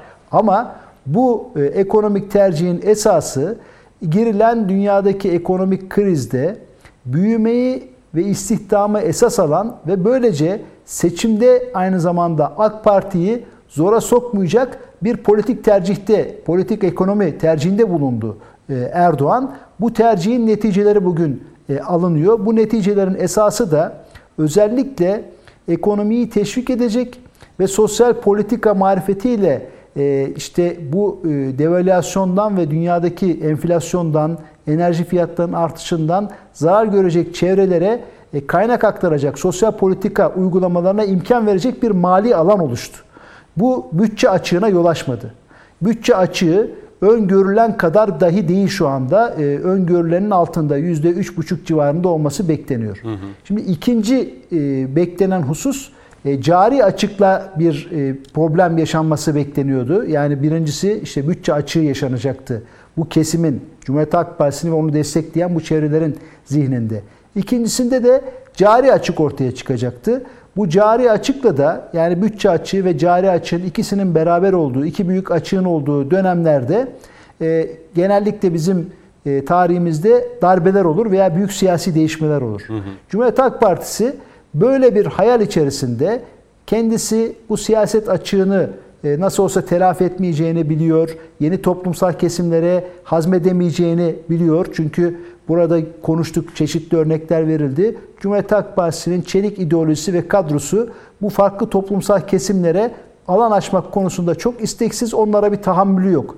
O yüzden de e, ekonomideki bu krizler sayesinde buna eşlik edecek dış politikada özellikle e, Rusya'nın etrafında Batı'nın yürüteceği kampanyadan Türkiye'nin etkileneceği, Batı ile ilişkilerin yeni bir kırılmaya uğrayacağı varsayımıyla bu üç dalganın altında Türkiye'nin, hükümetin ezileceğini ve seçimlere bu eziklikle Erken seçime gitmek zorunda hatta, kalacağını. e, erken seçim yapmak mecburiyetinde kalacağını düşündüler. Şimdi ama bu işlemeyince yani e, bütçe açığı olmadı, e, cari açık olmadı, dış politikada kriz bekliyorlardı. Kriz yerine dış politikada da Türkiye'nin önüne çok geniş bir diplomatik alan açıldı ve Cumhurbaşkanı'nın e, diplomatik alandaki her faaliyeti içeriye büyük bir e, mukayeseyle yani altılı masanın adayıyla olmayan ortak adayıyla e, Cumhur İttifakı'nın e, adayının yani Cumhurbaşkanı'nın mukayese edildiği ve avantajlı çıktığı bir çerçeveyle gidildi. Bu tabiatıyla e, Cumhuriyet Halk Partisi başta olmak üzere ona akıl veren bu kayıt dışı siyaset odaklarının, onun etrafındaki grupların ortak o siyaset açığı karşısında e, bir tür e, nasıl söyleyelim bir hani asap bozukluğu, e, Ya bir bekledikleri e, bu gerginlik değildi. e, ve bir telafi mekanizmasını çalıştırmaya yol açtı. Bekledikleri bu değildi. Böyle bir tabloyu beklemiyordu muhalefet. Söyledikleri Ve doğal olarak e, beklemiyordu. başka şeylerle hükümeti zor durumda bırakmak. Yani ya muhalefetin görevi midir yani Türkiye'yi uluslararası alanda uyuşturucu ticareti yapmakla suçlamak ya da kimyasal silah kullandı Türk Silahlı Kuvvetleri deyip birinin ardından buna Sezgin Tanrıkulu'nun sahip çıkması ve araştırma önergesi vermesi. Muhalefetin asla, asli görevi bu mudur? Cüneyt Bey işte şimdi bakın buradaki problem ne biliyor musunuz? Vesayet sistemi çöktüğü için Cumhuriyet Halk Partisi eskiden e, seçilmiş siyasi iktidarı Menderes'i, Demirel'i, Erbakan'ı, Özal'ı, Erdoğan'ı kime şikayet ediyordu? İçerideki zaptiyeye şikayet ediyordu. Hatırlayalım. Orduya, efendim e, devlet içerisindeki bürokratlara yargıya şikayet ediyordu. Şimdi oralardan bir ümitleri kalmadığı için bu sefer Dışarıya. büyükelçiliklere ve uluslararası bir takım zaptiyelere şikayet ediyorlar. Mantık değişmediği için Anladım. bu çaresizlik içerisinde bunun bir e, netice alacağını düşünüyorlar. Ama okuyamadıkları husus şu, göremedikleri husus şu. Bir cümleyle bitirelim. Uluslararası sistemde onların beklediği, e, güvendiği dağlar karlar yağdı. Yani uluslararası zaptiyelerden de onların bu ne kimyasal silahla ilgili ne uyuşturucu ile ilgili kampanyalarının bir karşılığı yok. Çünkü biraz önce söyledim Türkiye bu alanda çok ciddi bir diplomatik alan e, oluşturdu ve Türkiye aynı zamanda içerideki vesayet sistemini yıkarak bürokrasinin hakimiyetini yıktığı gibi dışarıda da e, bu yine içerideki bürokrasi ve radikal batıcılar eliyle oluşturulmuş Batı hegemonyasının batıya tamamen teslimiyetin esas alındığı dış politikayı Türkiye'nin dünyadaki hiyerarşisini de değiştirecek bir hamle yaptı. Ve bu hamle hani öyle e, sadece lafta kalan bir şey değil, neticelerini almaya başladı. Dolayısıyla artık e, hemen tamamlıyorum Cüneyt Bey. Artık e, Cumhuriyet Halk Partisi'nin, o altılı masanın e, bir takım e, kampanyalarıyla, dedikodularıyla, iftiralarıyla değiştirip dönüştürebileceği ve uluslararası zaptiyenin katkısıyla efendim içeride netice alabileceği bir noktaya geldi. Bakın en başarılı olduğu yerde Brezilya'da bile bu uluslararası zaptiyeler Amerika Birleşik Devletleri yenildi ve onların yenildiğini Cumhuriyet Halk Partisi altılı masa anlayamıyor. E, onları yenen Lula'yı efendim e, tebrik etmeye ve Ululay'la e, sanki Erdoğan benzemiyormuş da kendileri benziyormuş gibi bir korelasyon kurmaya çalışıyor. Yani sadece Türkiye'yi, bölgeyi değil dünyayı da anlamıyorlar ve çok sakil bir durumdalar. O yüzden de e, bu sakilliğinin e, Amerika Birleşik Devletleri'nde, İngiltere'de, Batı'da kendi sakilliklerine denk gelen belli çevrelerde bir alıcısı olabilir. Ama orada bu sakilliği gören e, çevreler de mesela Amerika Birleşik Devletleri'ne gidince Kılıçdaroğlu ile beraber fotoğraf vermek istemiyorlar. Çünkü yenilecek bu sakil adayla beraber anılmak ve onun yenilgisinin faturasını da ödemek istemiyorlar. Peki. O yüzden Cumhuriyet Halk Partisi'nin bu altılı masanın işi zannedildiğinden, zannedildiğinden çok daha zor. Peki. Ee, çok daha büyük bir stratejik, e, psikolojik bir krizin içerisinde. Çünkü e, Cüneyt Bey yani e, 90 yıldır yattılar, siyaset üretmediler. Hadi 90 yılı bıraktık. Bu e, işte Cumhurbaşkanlığı sistemi geçti. Ondan sonra kendilerini düzeltebilirlerdi. Cumhurbaşkanlığı sistemi kendilerini ibra edip kurtarabilecekleri onlara olağanüstü bir avantaj verdi. Ama yine Ağustos böceği gibi e, kendi şarkılarını söylemeye devam ettiler. Şimdi bu eksikliklerin hepsi karşısına çıkıyor, karşılarına çıkıyor ve kendi aralarında aynı zamanda bir rekabet, çatışma hali olduğu için e, bunları görebilecek bir e, haleti ruhiye içerisinde de değiller maalesef. Peki. Ee, Murat Bey öyle bir tablo çizdi ki e, yani hem CHP hem de altılı masadakilerin e, durumunu da e, o çerçevenin içerisinde oturtturdum. Şimdi tabii Londra'dan attığı tweetleri paylaştım. Ben işte kredilerle vesaire o parayı da bulacağım geleceğim. Kasım sonunu bekleyin diyor. E, oradaki tweet içerisinde uyuşturucu meselesine bir kez daha değiniyor. Tabii bu iftira fırtınası yani peş peşe sanki Kasım sonu ya da seçim zamanı yaklaştıkça e, bu fırtına devam edecek. Seçim sonrasına hazırlık mı seçim öncesi bir şey mi bu kampanya mı? Yani ve kampanyanın başında Sayın Kılıçdaroğlu mu çekiyor? Şimdi seçim Ama bu CHP yakın bir televizyon kanalına telefonla bağlanmış. Onu da siz bir istihbaratçı olarak değerlendirin. Şeyi soruyorlar Amerika'daki gibi gene 8 saat kaybolur musunuz İngiltere'de de. işi sulandırıyor. Yok yok tweet atmış yok. yani hani o, O da şey- şey demiş. Cevap vermemiş yani. Ee, şimdilik iyi akşamlar diliyorum demiş kapatmış telefonu. Evet. Ben tabii e, Mehmet Bey çok özür dilerim. için- Yani çok özür dilerim. Yani CHP'yi Mehmet Bey CHP'yi destekleyen kanallarda bile işin ciddiyeti kalmadı. Böyle Tabii. bir soruyu aslında normal şartlarda bir genel başkana sormaması lazımken o sunucun sunucunun sorarken ki halet ruhiyesine bakın. Yani orada bile e, Sayın Kılıçdaroğlu'nun yapıp ettiklerinin ne ölçüde ciddiye alındığını e, görebiliriz. CHP'yi destekleyen kanallarda bile. Peki. aman Yani başkanım Kemal Bey de hiçbir diyor. cevap vermeden şimdilik iyi akşamlar diliyorum. Biz de size iyi akşamlar diliyoruz Kemal Bey. İyi gezmeler inşallah. Ama ben hala düşünüyorum. Ama Londra'dan parayı bulup geleceğim diyor. Ben hala düşünüyorum. İngiltere'nin neyi meşhur? Hadi Amerikan burger. Orada ne yer ne içer? Sayın Kılıçdaroğlu. İngiltere'de de hamburger var ama İngiliz hamburgeriyle Amerikan hamburgeri bilmiyorum. Bilmem ama e, tabii şu var. Herhalde İngiltere'den sonra bir Almanya programı var. Doğru. Sonra dönecek. Şimdi orada e, İngiltere'ye de geliriz ama senin o soru çok kıymetli. Ya bu iftira fırtınası. Şimdi bakın az önce Mehmet abi kapıyı açtı. Ben de biraz daha genişleteyim.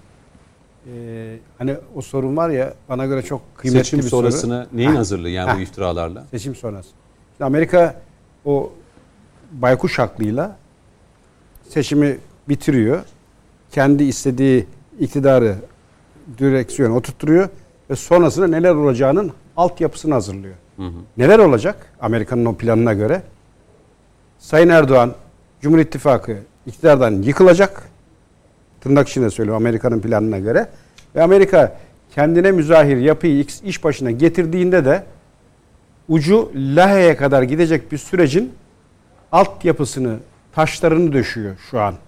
Onun sürecini başlatacak. Amerika'nın bütün planı o. Hatta e, Cumhuriyet tarihinin en büyük alçaklığı olan MİT tırları hadisesi dahil tekrar gündeme getirilecek. Sedat Peker denilen bir vatan haini var dışarıda. Yine Amerika'nın müdahalesiyle konuşuyor, bir şeyler söylüyor. Bakın o e, bir CD yayınladı zamanında.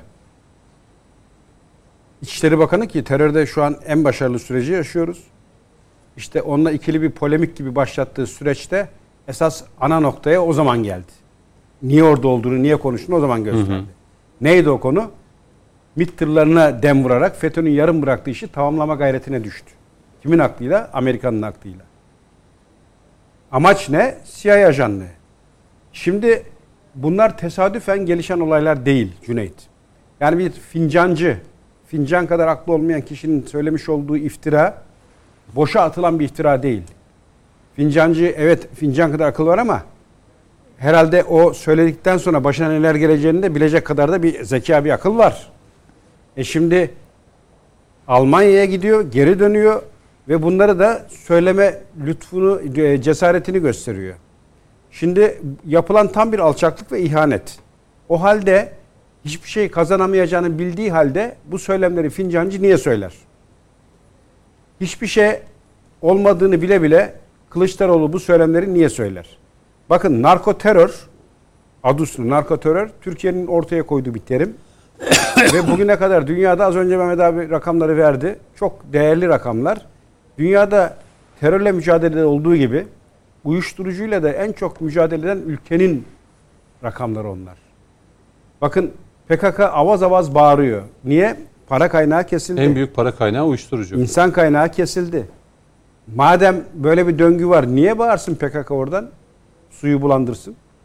Akıyor nasıl olsa. FETÖ döneminde akıyordu. Oluk oluk akıyordu. Ama damar kesildi. Diyarbakır'da Lice'de defalarca uyuşturucu yönelik operasyonlar ve İçişleri Bakanı ben şu lafını çok önemsiyorum. Uyuşturucu satanın ayağını kırın diye talimat veren bir Emniyet Genel Müdürü. Ki bana göre idam geri gelmeli ve ilk bunlar asılmalı. Uyuşturucuya bulaşan o gençleri zehirleyenler. Ocakları söndürenler. En büyük alçaklıktır. Bunlar asılmalı. Şimdi siz böyle bir mücadele yürütüyorsunuz. Dünyada Avrupa nefes aldıysa sayemizde alıyor. Ve eskiden klasik laftır uyuşturucuda. Van'da İran üzerinden gelen uyuşturucu kastederek o uyuşturucu baronları söylüyordu bunu. Van'da yılanın başını e, e, oynatırsan kuyruğu İstanbul'dan, Atina'dan oynar diye. Bir hat vardı, bir güzergah vardı Afganistan'dan işleyen. Amerika'nın Afganistan'ı uyuşturucu bataklığına çevirdiği süreçten başlayan. Ve şu an o hat iptal biliyor musun? Kuzey ve Güney diye iki tane hatta bölündüler.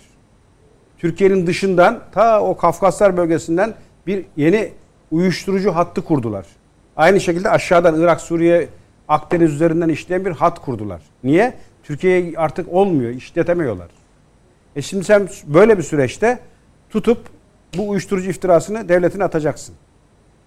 Ben şunu merak ediyorum. Hani devreye girdiler o ayrı ama hani herhangi birinin suç duyurusuna gerek var mı ya? Kim olursa olsun makamı, ne olursa olsun bu doğrudan bir iftiradır ve doğrudan Cumhuriyet Savcılığı'nın göreve devreye girmesi gereken bir gelişmedir. Cumhuriyet Savcısı değilim. Eğer olaydım hı hı. şu an Sayın Kılıçdaroğlu sen oturduğun yerde oturuyordu. Evet önemli iddialarınız var buyurun delillerinizi alalım.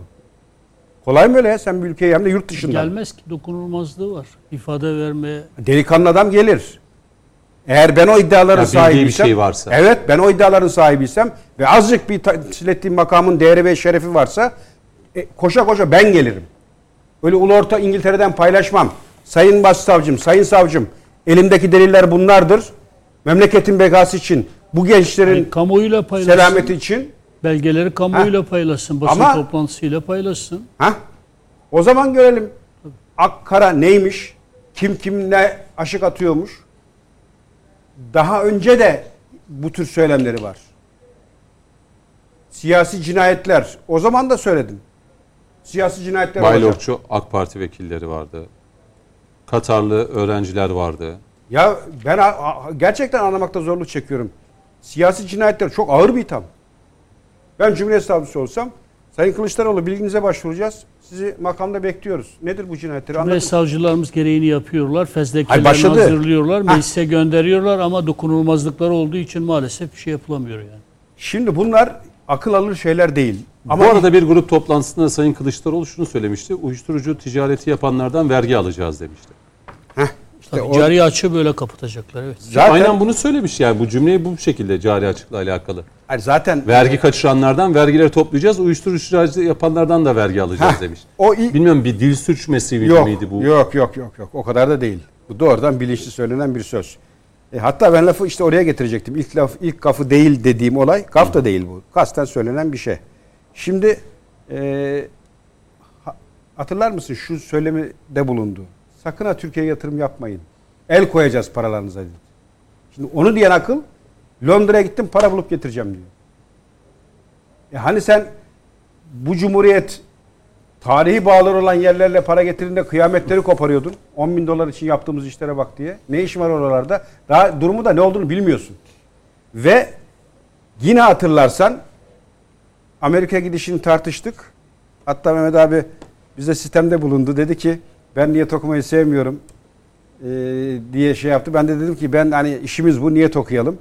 Niye gittiğiyle ilgili icazet mi dendiğinde hayır öyle bir şey yok. Talimat almaya gitti demiştim. Ve dedim ki Ben hala aynı görüşteyim. Ben niyet okumam, Biliyorum. talimat alıp almadığını da bilmiyorum. üslubunu. Ama sorular sorabilirim ama niyet sorgulaması Yok biliyorum yapmam. takdir ediyorum ama Sen istihbaratçısın. Ha, sen öyle bir istihbaratçıyım benim var, işim evet. bu sorgulamak. Şimdi talimat almaya gitti demiştim. Hatta şu cümleyle bitirmiştim. Nasıl bir talimat olduğu veya orada neler konuşulduğunu önümüzdeki günlerde bir takım olaylardan sonra daha iyi okuyacağız dedim. Daha der demez Sayın Kılıçdaroğlu seviyor bizi demek ki mahcup etmedi. Hemen ilk sufleyi verdi uyuşturucu.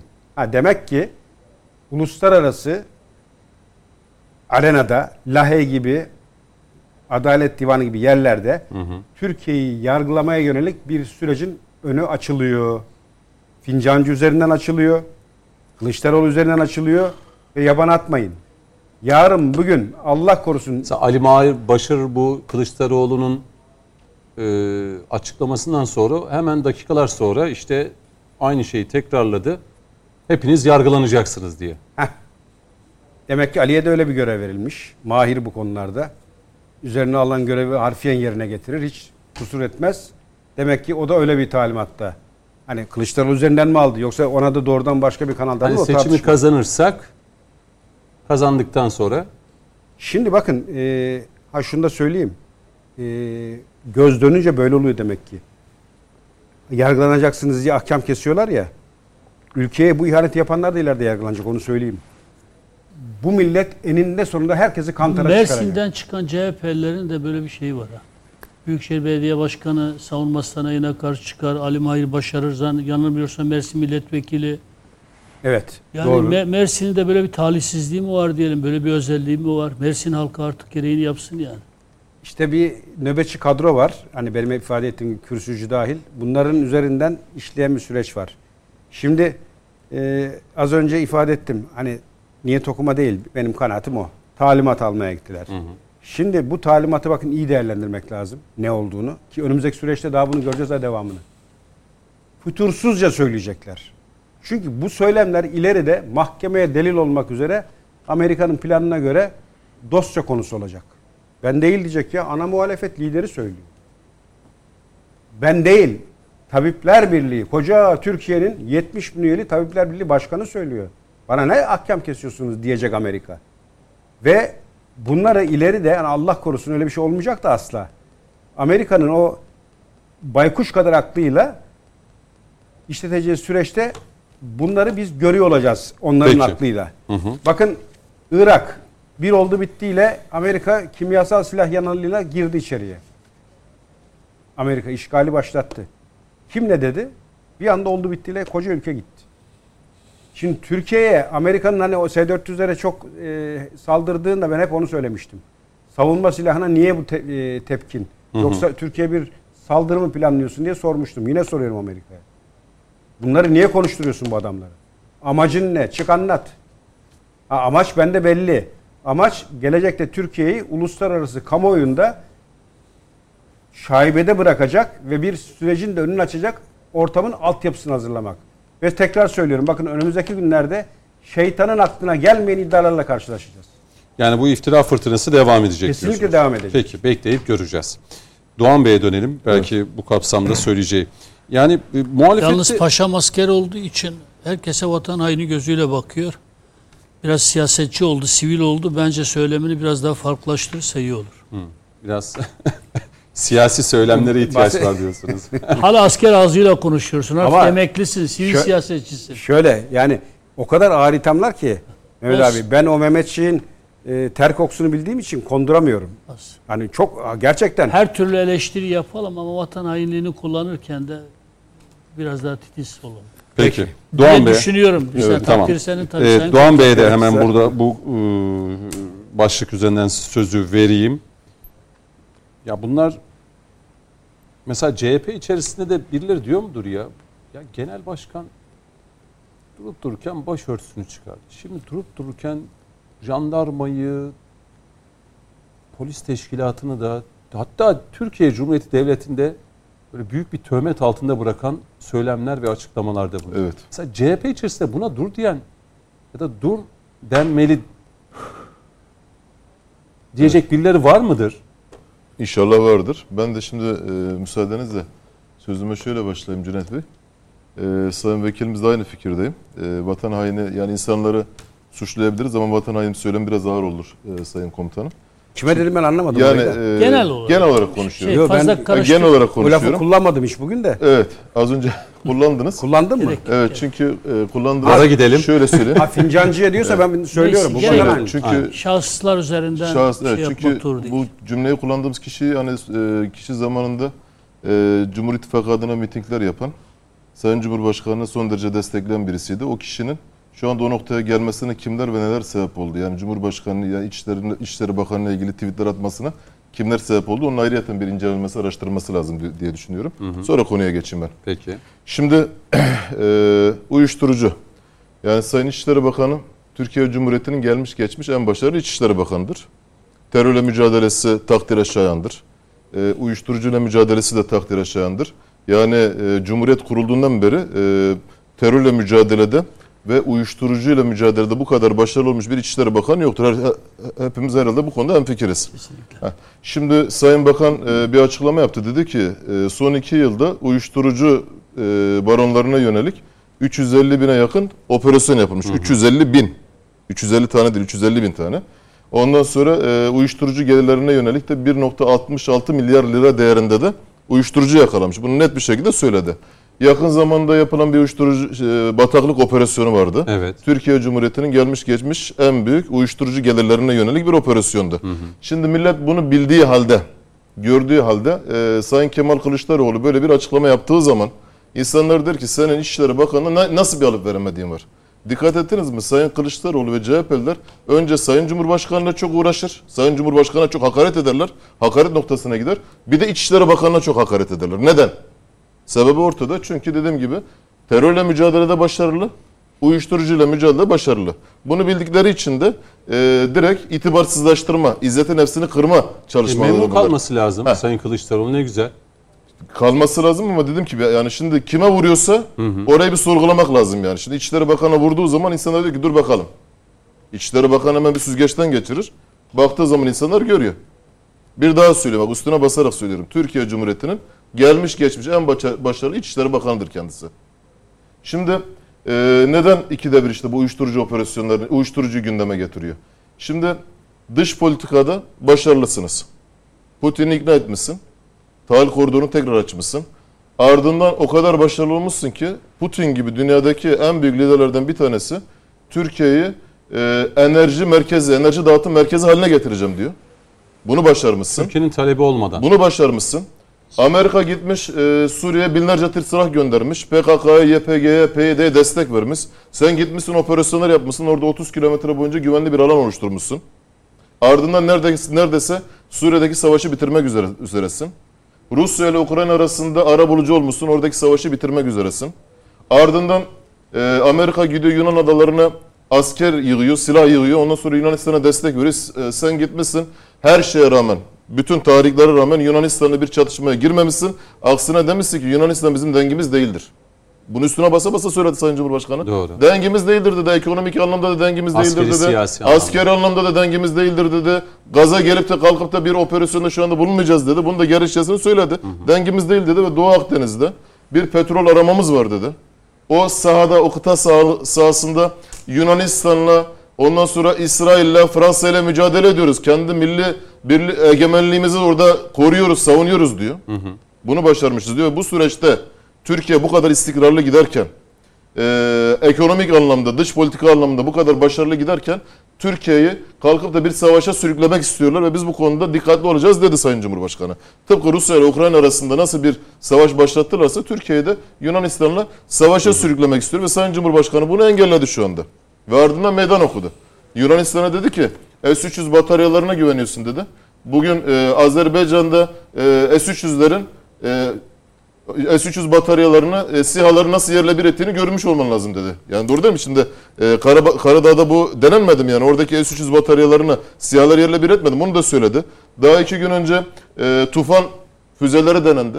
Tayfun. Yani tabii ki söyle bak bak yani eğer çok damarımıza basarsan ne yapabileceğimizi göreceksin diyor yani bunları göz söylüyor. Yani şimdi sen bu anlamda başarılı olmuşsun. Ardından ardından İHA'ları üretmişsin.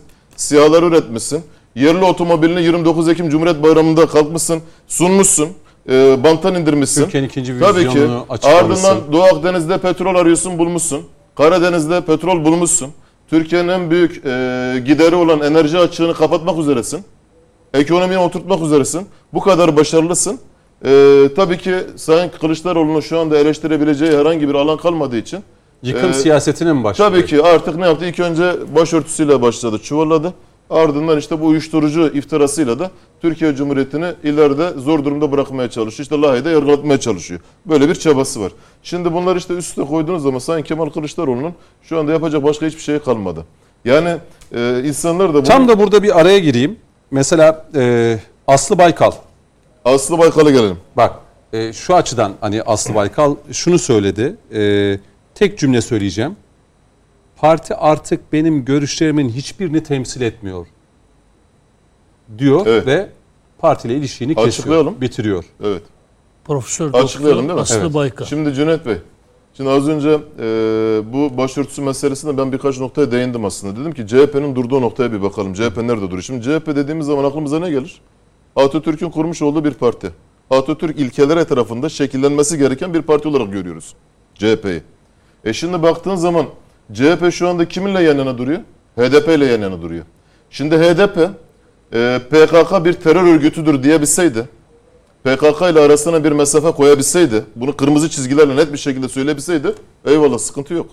Kimse HDP'ye şu anda bir şey demez ama HDP PKK'nın siyasi uzantısıdır. Şu anda içeride olan genel başkanı zamanında ne diyordu? Abdullah Öcalan'ın heykelini dikeceğiz diyordu. Terörist başının. Bence onları bir tarafa bırakıp da Yok, Sayın Metin hatırlattı. Yok. Ervin Buldan dedi Cumhuriyet 100 Şimdi- yıllık bir yıkım. Oraya geleceğim ama sırayla gidelim. Şimdi sırayla Ama gidelim. yarın itibariyle CHP'den acaba nasıl bir tavır takınılır? Hiçbir tavır Şimdi veremez. Cüneyt Bey sırayla gidelim ama geçmişi unutmayalım. Adam dedi ki Apo'nun heykelini dikeceğim dedi. Terörist başının heykelini dikecek. İçindeki bir milletvekili sırtını PKK'ya, PYD'ye, YPG'ye dayamıştı. Ardından bir tane milletvekili orada teröristlerle aşk yaşıyordu. Biliyorsunuz e, alındı, içeriye alındı. Şimdi de Pervin Buldan'ın bu şekilde açıklamaları var ve ardından en önemlisini söyleyeyim yani. Sınır ötesi bir operasyon yapacaksınız. PKK'ya yönelik sınır ötesi bir operasyon yapacaksınız. Cumhuriyet Halk Partisi HDP ile red oyu veriyor. Cumhuriyet Halk Partisi HDP'le red oyu veriyor. E şimdi bu noktaya gelmiş bir CHP, CHP'de tabii ki biz e, Sayın Baykal'ın olmasını beklemeyiz yani. Şu anda CHP olması gereken yerden uzaklaşmış durumda yani. Ondan sonra yerel seçimlere gidiyorsun. PKK'nın siyasi uzantısı haline gelmiş HDP ile işbirliği yapıyorsun. Ardından seçimlerden sonra gidiyorsun HDP il başkanlıklarını ziyaret ediyorsun. Nasıl beraber salladık diyorsun. Ee, içinde mesela bir tane e, genel bir tane milletvekilin e, HDP'lere bakanlık verebiliriz diyor. Diğeri kalkıyor Türk ordusunu kimyasal silah kullanmakla suçluyor. Sen böyle bir CHP haline gelmişsin. Yani şu anda e, HDP'nin arka bahçesi haline gelmişsin. Dolayısıyla şu anda Cumhuriyet Halk Partisi içerisindeki Atatürkçüler, ulusalcılar ve şu an şu anda rahatsızlar. Rahatsızlar. Yani şu anda e, CHP'nin olması Parti gereken artık noktada olmadığını benim görüşlerimin Evet. hiçbirini temsil etmiyor. Aynen olması gereken noktada olmadığını gördüler. Dolayısıyla Sayın Baykal istifa etti. Deniz Doğru Baykal acaba vermiştir. istifa eder mi? Evet şimdi Hani Etmez. Aslı hanımefendiden Baykal- bahsediyorum. Aslı Baykal'dan Aslı bahsediyorum. Baykal. Ama mesela Deniz Baykal'ın Etmez. Tam tersine Şimdi herkesi CHP çatısı altında birleşmeye çağırır. Ee, Asıl istifa etmeyi düşünür. Kaptan son Şimdi- terk eder. Yani burada dediğimiz gibi e, HDP ile iç içe girmişsin. HDP ile bir iş, işbirliği içindesin. Ardından benim bir söylemim var. Diyorum ki yani şimdi adayı da belirleyemiyorlar ya. Ya işte Amerika'ya gidiyorlar, İngiltere'ye gidiyorlar, geliyorlar hamburger yedik diyorlar, bilmem ne yaptık diyorlar ya mesela. Ben diyorum ki zaten adayı, adayı siz belirlemeyeceksiniz diyorum yani. Sizin adayınızı Amerika ile beraber Kandil belirleyecek diyorum yani. Şu anda siz öyle bir noktaya gelmişsiniz ki HDP'yi öyle bir destekliyorsunuz ki e, o kadar iç içe girmişsiniz ki aday belirlerken ya siz Kandil'e bakıyorsunuz. Acaba hani e, çıkardığımız aday destek görür mü görmez mi? Siz onun endişesi içerisindesiniz yani şu anda. Ya böyle bir nokta da var yani. Şu anda bu noktaya gelmişsiniz. Atatürk'ün kurmuş olduğu bir parti bu noktaya gelmiş. Daha da ileri gidelim. Daha da Peki ileri Doğan gidelim. Bey Orada bu bir tane söylediklerinizi CHP seçmeni görüyor mu, biliyor İşte mu? Gör, görüyor ya da biz daha da anlatalım. Yüksek sesle söyle. Mesela CHP seçmenine ben buradan sesleniyorum. Mesela Şimdi bir CHP tane- seçim oldu. %30 aldı. Bundan ne sonuç çıkarırsınız? E burada şu sonucu çıkartırım. Ya demek ki hiçbir şey görmüyorsunuz. Demek ki siz at gözlüğü takmışsınız. E yani artık e, ülke dağılsa, ülke dağılsa parçalansa siz yine CHP'den vazgeçmeyeceğiz sonucu çıkıyor ortaya. Yani şimdi burada şunu da söylemek lazım seçmene.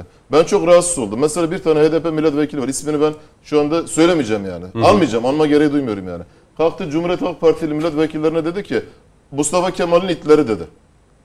Nasıl rahatsız olmuyorsunuz? Nasıl rahat ediyorsunuz?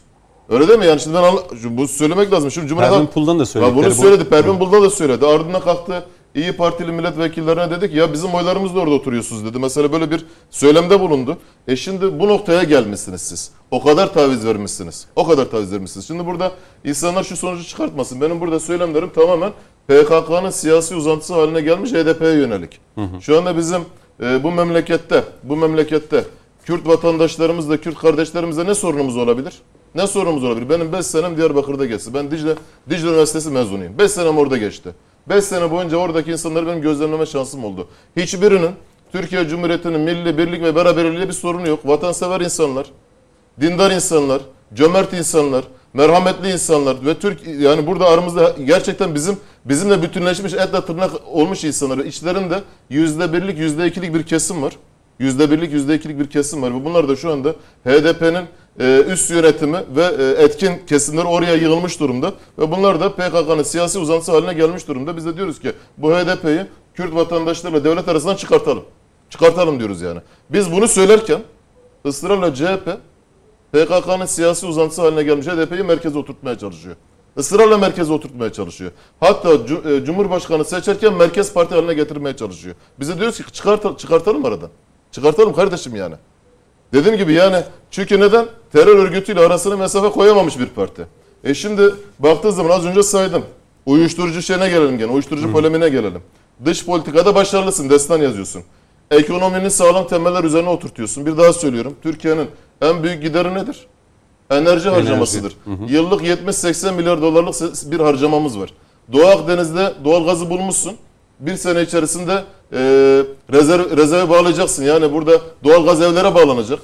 Doğu Akdeniz'den çıkartmışsın. Türkiye'nin her, taraf, her tarafında petrol çıkartıyorsun. 3-5 sene içerisinde enerji açığını kapatacaksın. Enerji harcamanı ortadan kaldıracaksın. Başka önünde herhangi bir problem kalmıyor. Yani Türkiye'nin süper güç olma yolunda herhangi bir engel kalmıyor. Bu enerji harcamasından başka engel kalmıyor. Onu da ortadan kaldırıyorsun. Bu, bu şekilde başarılı gidiyorsun. Ve dışarıdaki tüm baskılara rağmen, dış güçlerin tüm baskılarına rağmen içerideki dahili bedahalara rağmen bakın burada Atatürk'ün gençliğe hitabesinde bir cümle var diyor ya dahili ve harici bedahalar. Biz şimdi bu Kemal Kılıçdaroğlu ve AVN'sini dahili bedahalar olarak görüyoruz. Bu dahili bedahalara rağmen başarılı olmuşsun. Seni köşeye sıkıştıramamıştır. Dolayısıyla da artık bir e, cinnet geçiriyorsun ve bu cinnet geçirmenden dolayı da ne yapacağını bilmiyorsun. Bir baş, olmayan bir başörtüsü sorunu ortaya atıyorsun. Bir yandan diyorsun ki Türkiye Cumhuriyeti'nin jandarmasını ve emniyetin ve istihbaratını uyuşturucu kaçakçılığıyla itham ediyorsun yani. O zaman şu söylediklerinizden O zaman anlıyorum. burada Genel bir hep şey o zaman vardı. burada ben şunu söylüyorum diyorum Hadi ki öyle bitirelim. partizanlığı bir kenara bırakalım. Vatanını, milletini, devletini seven herkes ister sağcı olsun, ister solcu olsun, hangi görüşe sahip olursa olsun bunları göz önünde bulundursun. Şu anki CHP yönetimini sorgulasın. CHP'nin içerisindeki milletvekilleri, genel başkan yardımcılarını sorgulasın. Bu söylemlerini sorgulasın. Bir kere CHP'nin içerisindeki bu HDP seviciliğini ortada, bir, çı- ortadan çıkarsınlar. Bir kere CHP'yi kendi temelleri üzerine oturtsunlar. Onun, onun çabası içerisinde olsunlar. Ondan sonra konuşalım. Ondan sonra konuşalım. CHP milli ve yerli olsun ondan sonra konuşalım. CHP milli ve yerli olsun ondan sonra konuşalım. Aslı Baykal'ın istifası evet e, dikkat çekmişti. Sayın Metiner reklama gideceğim ama 4-5 dakikam var. Belki öyle. E, e, ya Vahap Seçer'i az önce e, söylediniz bu Mersin'le alakalı. E, o da Türkiye'nin e, 100 yılı vizyonuna yönelik çok da küçümser. Hani izlediniz değil mi onu? Tabii ki izledim. Üzülerek izledim. Hatta utanç Bu duyarak arada izledim. şunu da hatırlatayım izleyeceğim. Bugün Sayın Akşener grup toplantısında Sayın Cumhurbaşkanı'na teşekkür, Teşekkür etti. Biz de kendisine teşekkür Teşekkür etti yani. Akşener'e Sayın Cumhurbaşkanı'na ve ekim, ekibine, hükümetine Doğru davranış. bu konudaki e, işte kamu desteğini sağlaması, önlerini açması hususunda Teşekkür ederim dedi. Bu siyaseten güzel bir şey. Tabii ki bu aynı zamanda siyaseten CHP verilmiş en anlamlı bir yanıttır. Aslında Peki Vahap Seçer'in söylediği ne demek? İşte ona cevap yani. Mesela TOG'a destek verdiğini söylemesi, İHA ve SİHA'ları iktidara geldiklerinde destekleyeceklerini söylemeleri Sayın Akşener'in giderek altılı masadaki o dominant çizgiden saptığını gösteriyor. Hmm. İstedikleri tür, istedikleri kadar başka türlü konuşsunlar. Vahap Saça, Seçen'le e, Seçendi değil mi? Vahap Seçer. Seçer. Yani aynı dönemde mecliste milletvekilliği yaptık. Yani 24. dönemde ve sonrasında. Ee, Vizyona niye- bak diyor niye- ya. ya niye rahatsızlık duyuyorsun? Suriye'nin kuzeyinde PKK ile komşu olmaktan rahatsızlık duymadığını açıklayan bir partinin belediye başkanısın. Suriye'nin kuzeyindeki Amerikan tarafından verilmiş PKK silahlarının da Türkiye için bir tehdit oluşturmadığını söylüyorsun. Orada Muharrem Erkek'in de biliyorsunuz bu yönde bir İşte açıklaması oldu ya. Muharrem Çok Erkek, enteresan. Muharrem yani ben- Erkek dediğiniz CHP'nin genel başkan yardımcısı diyor. Ben benim Sınırda bizim P7 olsun. PKK ile komşu olmakta hiçbir sıkıntı görmüyoruz. DAEŞ olacağına PKK olsun diyor. İki terör örgütü arasında tercihte bulunuyor.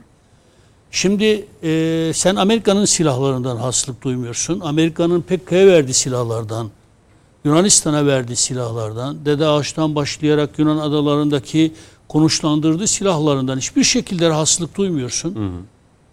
Ve buna rağmen de ne hikmetse gene solcu olabiliyorsun. Che Guevara'nın izinden gidebiliyorsun. Hani Bolivya dağlarına git vuruş diyen yok Vahap Seçer'e. Ama Che Guevara edebiyatı yapıyorsun. Deniz Baykal edebiyatı yapıyorsun. Anti-emperyalist bir solcu olduğunu iddia ediyorsun. Ama Amerikan silahlarına yönelik, Amerika'nın silahları üzerinden bölgeyi, Türkiye'yi şekillendirmeye yönelik siyasasına ilişkin tek eleştiri getirmiyorsun. Ama bütün bir dünyanın gıpta ettiği İHA'lara, SİHA'lara, savunma sanayimize, kendi yerli ve milli silahlarımıza laf ediyorsun.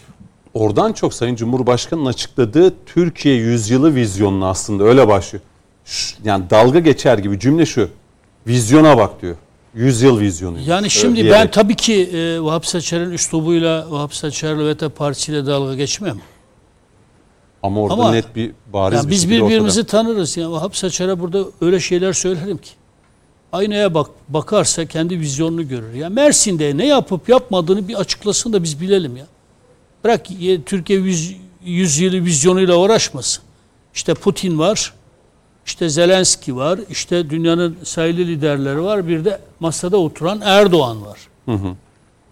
Erdoğan ortaya koyduğu vizyon üzerinden bir tartışma başlatacağına kendisinin Mersin'de Büyükşehir Belediye Başkanı olarak hangi sorunu çözdüğünü ve hangi hizmetleri yaptığını bir açıklasın da bir bilelim ya. Bir de vizyon bahsinde bence konuşmaması gereken en son kişilerden biridir. Yani. Partisi de dahil kendisi de. Onun için ben e, Şunu söylüyor Sayın Seçer diyor ki bugün Sayın Devlet Bahçeli şahsıma yönelik hakaret, tehdit ve ithamlarda bulundu. Belediye başkanı olarak bir partinin genel başkanına aynı üslupla cevap vermem siyasi ahlakıma sığmaz. Cevabımı Mersin'e hizmetlerimle ve halkımızın desteğiyle sandıkta vereceğim milletimizin takdirine. bir Sayın Bahçeli, Sayın Bahçeli asla hakaret etmedi, tehdit etmedi. Bu bir bühtandır. Kendileri sabah akşam zaten herkesi e, tehdit ediyor. Yani Mersin üzerinde konuşulacaksa Mersin Belediyesi'ne ettikleri hakkında çok şey söylenebilir de yeri burası değil. Evet. Yani birisi gitsin de Mersin'de Vahap Saçar'ı eleştirsin bakalım.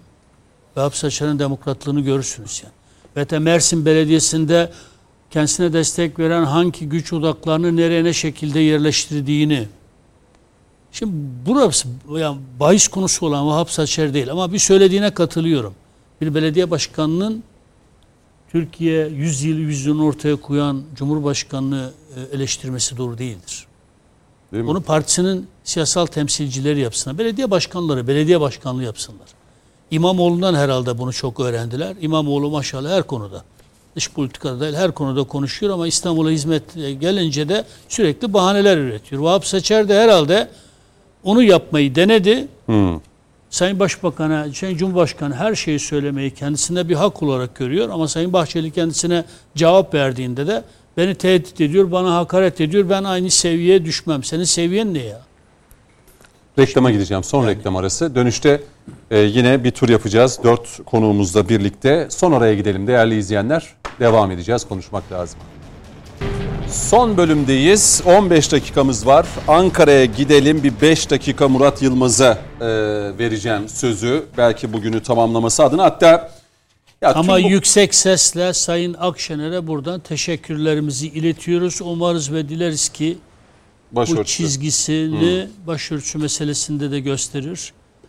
İyi Parti'nin CHP'nin stepnesi olmadığını, olmayacağını da gösterir. Ee, bu da çok anlamlı hmm. yeni bir siyasi kompozisyonun oluşmasına da sebebiyet verebilir. Siyaset bu. Neyin ne olacağını e, hep birlikte göreceğiz. E, Ankara'ya gidiyorum Murat Bey. Altılı Masa'da güç savaşlarının sonucu ne olur? Yani ciddi bir güç savaşı yaşandığını görüyoruz. Size göre bu işin sonu nereye varır? 5 dakika veriyorum buyurun efendim toparlayın. Doğrusu e, bunu tam tayin edemiyoruz. E, çünkü altılı masanın e, görünen aktörlerinin ötesinde biraz önce ifade etmeye çalıştım. E, kayıt dışı siyasetle altılı masaya müdahale, e, müdahil olan aktörleri var. Bunları tek tek e, hani saymak istemem ama e, altılı e, masanın bu manada e, bir problemi de ciddi bir problemi de e, masanın e, karışanının e, çok olmuş olması. Hı hı. Tabii e, Sayın Kılıçdaroğlu Cumhuriyet Halk Partisi'nin oradaki en büyük parti olması sebebiyle e, kendi adaylığını ve kendi çizdiği çerçeveyi bu masaya e, tayin etmek, e, giydirmek istiyor. E, buna mukabil e, İyi Parti de e, buradaki kritik e, rolünü e, esas alarak e, Cumhuriyet Halk Partisi'nin oy tabanının yeterli olmadığını e, görerek, göstererek burada e, tayin edici mevkiye kendisi gelmek istiyor. Hatta bir süre önce hatırlayacaksınız İyi Parti'nin etrafında bir kampanya yürütüldü ve adeta Cumhuriyet Halk Partisi ile İyi Parti yarışıyor havası hı hı. E, verilmeye çalışıldı. Bana göre bu doğru da değildi ama e, böyle bir havayla o yani dışarıdan dediğim karışan aktörlerin de sayesinde böyle bir kampanya pompalanmaya çalışıldı. Bir de ayrıca Cumhuriyet Halk Partisi'nin içerisinde aslında iki tane parti daha var. Bir tanesi e, Ekrem İmamoğlu'nun etrafında öbeklenmiş bir parti. E, diğeri de e, Mansur Yavaş'ın etrafında öbeklenmiş bir parti. Bunlar da parti gibi ayrıca Cumhuriyet Halk Partisi'nden farklı davranıyorlar. Yani bunu da görmek lazım. Hala havlu atmış da değiller, yarıştı bırakmış da değiller. Kılıçdaroğlu karşısında ayrı bir aday ve ayrı bir e, tırnak içerisinde söylüyorum bir parti gibi çalışan bir grup var. Ama şimdi e, asıl bence problem hani girişte ifade ettiğim kısma dönecek olursak e, altılı masanın e, dışarıdan destekçisi EDP ve yine kayıt dışı siyaset yapan aktörler üzerinden e, etkili olan e, aktörleri marifetiyle temel açmazı e, ortak bir siyasi program ortaya koyamamasıdır. E, bunu da ortak aday tartışmasıyla ötelemek istiyorlar. Aslında antik dönemden beri benzemez, birbirinden farklı kesimlerin stratejide bir araya gelmesi için çok az konuda anlaşabilmesi, anlaşamayacak konuları konuşmaması lazım gelir. Aksi halde onları konuşmaya başladığınız andan itibaren o stratejik ittifak dağılmaya başlar. Hı hı. E, altının maça, e, masanın e, stratejisinde bu e, prensip var ama bu strateji e, siyasette bir takım aşmazlara yol açıyor. Çünkü Türkiye'de vesayet sisteminin içeride ve dışarıda yıkılmasıyla beraber çok kocaman bir siyasi alan açıldı. Hani biraz önce girişte yine ifade etmiştim. ikinci turda mıydı? E, Mahir Bey üzerinden, Mahir Bey tartışması üzerinden yeni bir kamu felsefesi oluşuyor. Bu kamu felsefesi de eskisi gibi e, bürokratların veya devletin içerisinden gelmeyecek. Bu siyaset eliyle demokratik bir şekilde müzakere edilerek oluşacak. Belki zamana e, yayılacak ama makul, meşru, mutedil bir zeminde bu tartışmaların, bu müzakerelerin, bu olgunlaşmanın yaşandığını göreceğiz. Şimdi Türkiye'nin bu siyasi olgunluğa ihtiyacı var çünkü e, Türkiye çok büyük badireler atlatarak bir reformu tamamladı ve bana kalırsa e, bu e, siyasi olgunluğu esas itibariyle AK Parti e, daha sonra e, katılmasıyla beraber e, Milliyetçi Hareket Partisi gösterdiler. Bu siyasi olgunluk sayesinde bu badireleri 15 Temmuz örneğinde olduğu gibi atlattık ve sonra bir takım tedbirler aldık. E, bu badireleri de atlatırken mesela İspanya, mesela Portekiz, mesela Yunanistan gibi bu badireleri bizler Avrupa Birliği'nin ve Amerika Birleşik Devletleri'nin desteği, sonsuz e, ekonomik kredisi e, marifetiyle aşmadık. E, bunları onlara rağmen açtık. Dikkatinizi çekmek isterim. Yani onlarla mücadele ederek açtık. O yüzden de şimdi mesela falanca filanca belediye başkanı e, Türkiye yüzyılını eleştirebilir ama mesela bu İHA'yı, SİHA'yı buradan akınca topu falan eleştiriyor. Diyor ki yani güvenlik midir Cumhuriyet? Evet Cumhuriyet güvenliktir. Yani bir ülkeni için, bir devlet için temel ihtiyaçlardan birisi, bir demokrasi için temel ihtiyaçlardan birisi güvenliktir. Demokrasi güvenlik üreten ve bunu az maliyetle yapabilen diğer rejimlere göre e, bir rejim olduğu için kıymetlidir. Özgürlükleri halel getirmeden yaptığı için. Şimdi bakın bizim şu anda Türkiye'nin içinden çıktığı badire ve hemen bölgemize yani uzun boylu bir şey e, saymayalım ama işte Libya, Doğu Akdeniz, Kıbrıs, Suriye, Irak, İran'ın hali, Karabağ e, zaferi ve hemen Ukrayna'ya geçelim. Ukrayna'daki devam eden savaş e, Gökhan e, Tokmakoğlu var, Gürsel Tokmakoğlu var bu eski asker. Onun bir ifadesi var. Stratejik bir kasırgaya e, benzetiyor bu olup bitenlere. Dünya bir stratejik kasırgaya e, hazırlanıyor diyor. Türkiye bu stratejik kasırgaya e, içerideki bu büyük reform süreciyle 3 Kasım 2002'den sonra e, içine girdiği büyük reform süreciyle e, hazırlandı. Bu hazırlığın Peki. bir esası efendim e, hürriyetin, demokrasinin tahkim edilmesiydi. Demokratik yönetimin tahkim edilmesiydi.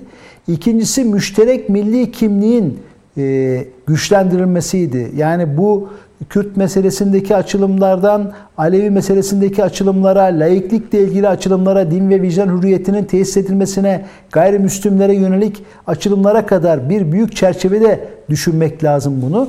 Üçüncüsü de devlet kapasitesinin artırılmasıydı. Dikkat buyurulursa bu geçtiğimiz 20 yılda ve halen devam ede gelen e, saldırının ana hedefi de bunlardı. Müşterek milli kimliğimiz, evet. demokratik yönetimimiz ve devlet kapasitesi. Şimdi bunların ne kadar kıymetli olduğunu Ukrayna Savaşı ve bahsettiğim bu Türkiye'nin etrafındaki bölgesel krizler ve dünyanın içine girdiği ahvalde bu stratejik kasırga ortamında çok net görüyoruz. O yüzden de Türkiye'yi şimdi bu geçtiğimiz dönemde özellikle güvenlikçi diye eleştiren e, hem dışarıdan hem içeriden AK Parti'nin e, periferisinden de e, bazı kesimlerin durup bir muhasebe yapması ve bu güvenlik üreten demokrasiye bu manada ortaya çıkan devlet kapasitesine takdirle bakması lazım. Bu bu devlet kapasitesi bizi işte birçok badireden korudu, kurtardı, koruyor ve aynı zamanda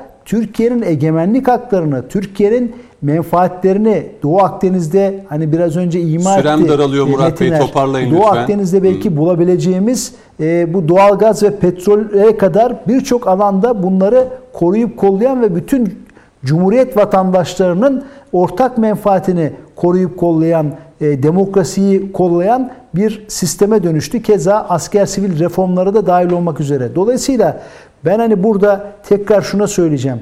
Cumhur İttifakı'nın yapıp ettikleriyle ortaya koyduğu e, bir siyasi program var. Bunun karşısında özellikle ısrarla e, bu altılı masanın etrafındaki bu partilerin içerisindeki vatansever, demokrat insanların ısrarla sorması gereken şey ortak aday meselesinden önce ortak siyasi programımız nedir?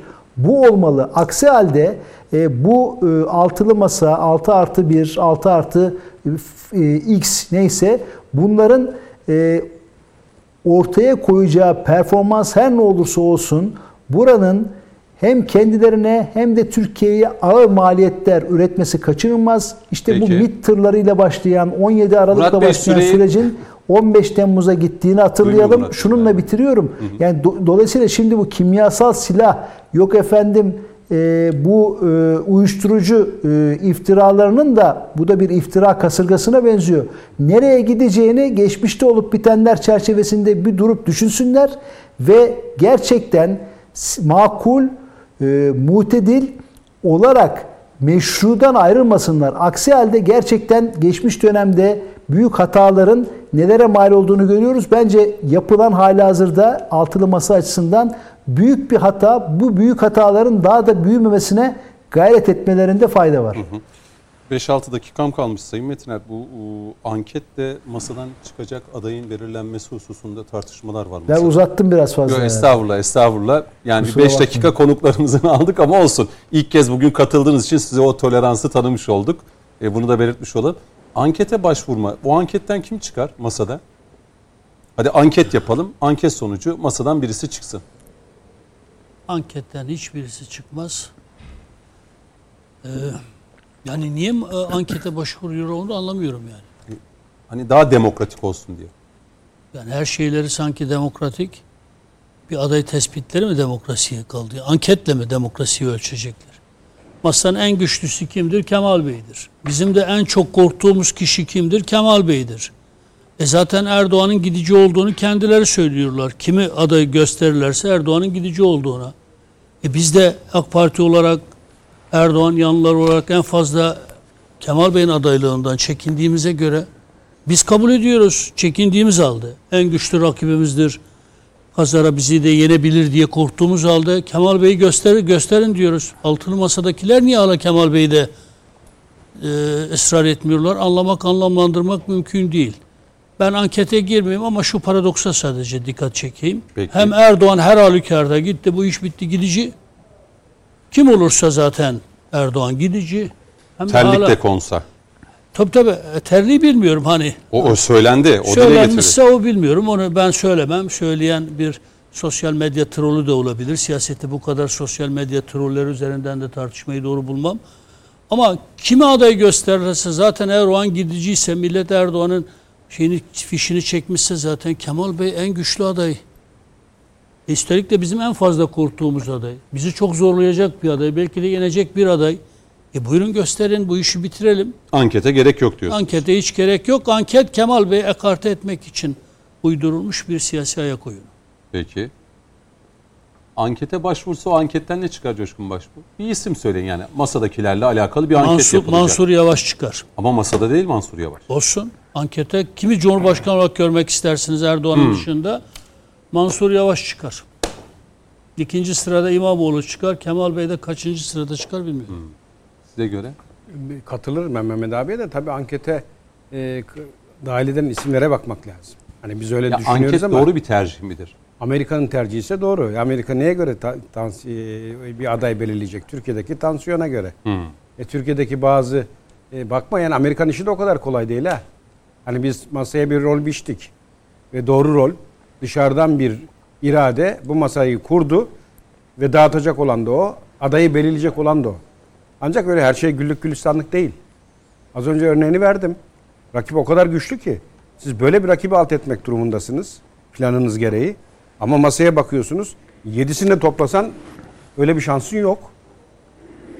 Yani olsa öyle bir güç. Yedisini de özelliklerini, yeteneklerini üste Bir de koysan HDP'nin desteklemeyeceği hiçbir adayın zinhar kazanma şansı yok. Dolayısıyla HDP'yi hiç kimse devre dışı bırakamaz. Bir dakikam Nokta. var belki. Doğan zaten Bey. yedili diye onun için söyledim. Şimdi Bir dakika çok- yani anket evet. yapılsa kim çıkar? Şimdi Çok bir- detaylı tamam. bir şey değil. Bir dakikada ben toparlayacağım. Bir dakikada. Şimdi e, Kemal Sayın Kemal Kılıçdaroğlu aday olmuyor. Diyorlar ki niye aday olmadın? Muharrem İnce'nin istifa sebebi. Aday oluyor desteklemiyorlar. Şimdi Sayın Kemal Kılıçdaroğlu'nun aday olmaması demek şudur. Şimdi ekonomi eleştiriyorsun, dış politikayı eleştiriyorsun, liyakat noktasında eleştiriyorsun ve ben daha iyi yönetirim diyorsun ülkeyi. Ama adaylığını açıklayamıyorsun ve dışarıdan aday arıyorsun. Bu şu anlama geliyor. Ben bu ülkeyi yönetecek kapasitede ve liyakatte değilim. Olmadığım için de olmadığım için de dışarıdan aday arıyorum anlamına geliyor. O zaman e, sen eleştiriyorsan ben bu ülkeyi daha iyi yönetirim diyorsan elini masaya vurup adaylığını açıklamak zorundasın. Açıklamalısın. Açıklayamıyorsan o zaman Cumhuriyet Halk Partisi'nin e, genel başkanlığından istifa etmelisin. Burada CHP seçmene ses, sesleniyorum. Yani Türkiye'nin en büyük muhalefet partisinin liderinin Türkiye'yi yönetmeye aday olması gerekmiyor mu? Talip olması gerekmiyor mu? Ve eleştiriyorsun. Ben daha iyi yönetirim diyorsun. Olması gerekiyor. Olmuyorsa kendini bu noktada liyakat sahibi görmüyorsun, yeterli görmüyorsun. Dışarıdan aday geçir, e, arıyorsun. Bu sözlerim aynı zamanda Sayın Meral Akşener için de geçerli. Davutoğlu için de geçerli. Babacan için de geçerli. Sayın e, Saadet Parti tüm- lideri, Do- Demokrat Parti lideri için de geçerli. E, dedim yani burada anket yapısı tabii ki ben ben yine söylüyorum burada en güçlü aday, en e, olması gereken aday ben- bence Sayın Kemal Kılıçdaroğlu'dur. Evet. Cumhuriyet- Anketten de o mu çıkar? Yani bence o çıkar. Şöyle çıkar çünkü e, Türkiye'nin en büyük muhalefet partisinin liderisin. E, o masayı sen bir araya getirmişsin. Değil mi? Yerel seçimlerde İstanbul ve Ankara'yı kazanmışsın. Aday olacaksın o zaman. Peki bakalım olacak mı? Anketten Kemal Kılıçdaroğlu çıkmaz. Kemal Bey anket teklifini kabul ettiği andan itibaren kendisini masanın dışında görür. Siyasal bir tuzaktır bu Kemal Bey'e kurulan. Çünkü anketten kimi çıkacağını Kemal Bey kendisi de çok iyi Çok iyi biliyor Şu diyorsun. soruyla kapatalım. Bit- Tek soru. Soruyu sorun haftaya Cumhuriyet, cevabını. Cumhuriyet Halk Partisi'nden ankette kim çıkar? Peki. Cumhuriyet Halk Partisi'nin kendi adına yapacağı anketten kim çıkar? Önümüzdeki hafta cevabını e, almaya çalışırız. Ankara'da Doktor Murat Yılmaz bizlerle birlikte de. Çok teşekkür ederim Sayın Yılmaz katıldınız aramıza bugün değerlendirmelerinizle. Ben teşekkür ederim. Hayırlı akşamlar. Çok Selamlar Murat kardeşim. İyi akşamlar. Mehmet Metin'e çok teşekkür ederim. Coşkun Başbuğ çok teşekkür ediyorum. Biz teşekkür Ee, Doğan ederiz. Çağlar bizimle birlikte çok teşekkür Biz ederim. teşekkür hepinize. ederiz. Ee, sizler de izlediniz sevgili izleyenler. Güzel bir akşam diliyoruz. Önümüzdeki hafta görüşmek üzere. Hoşçakalın.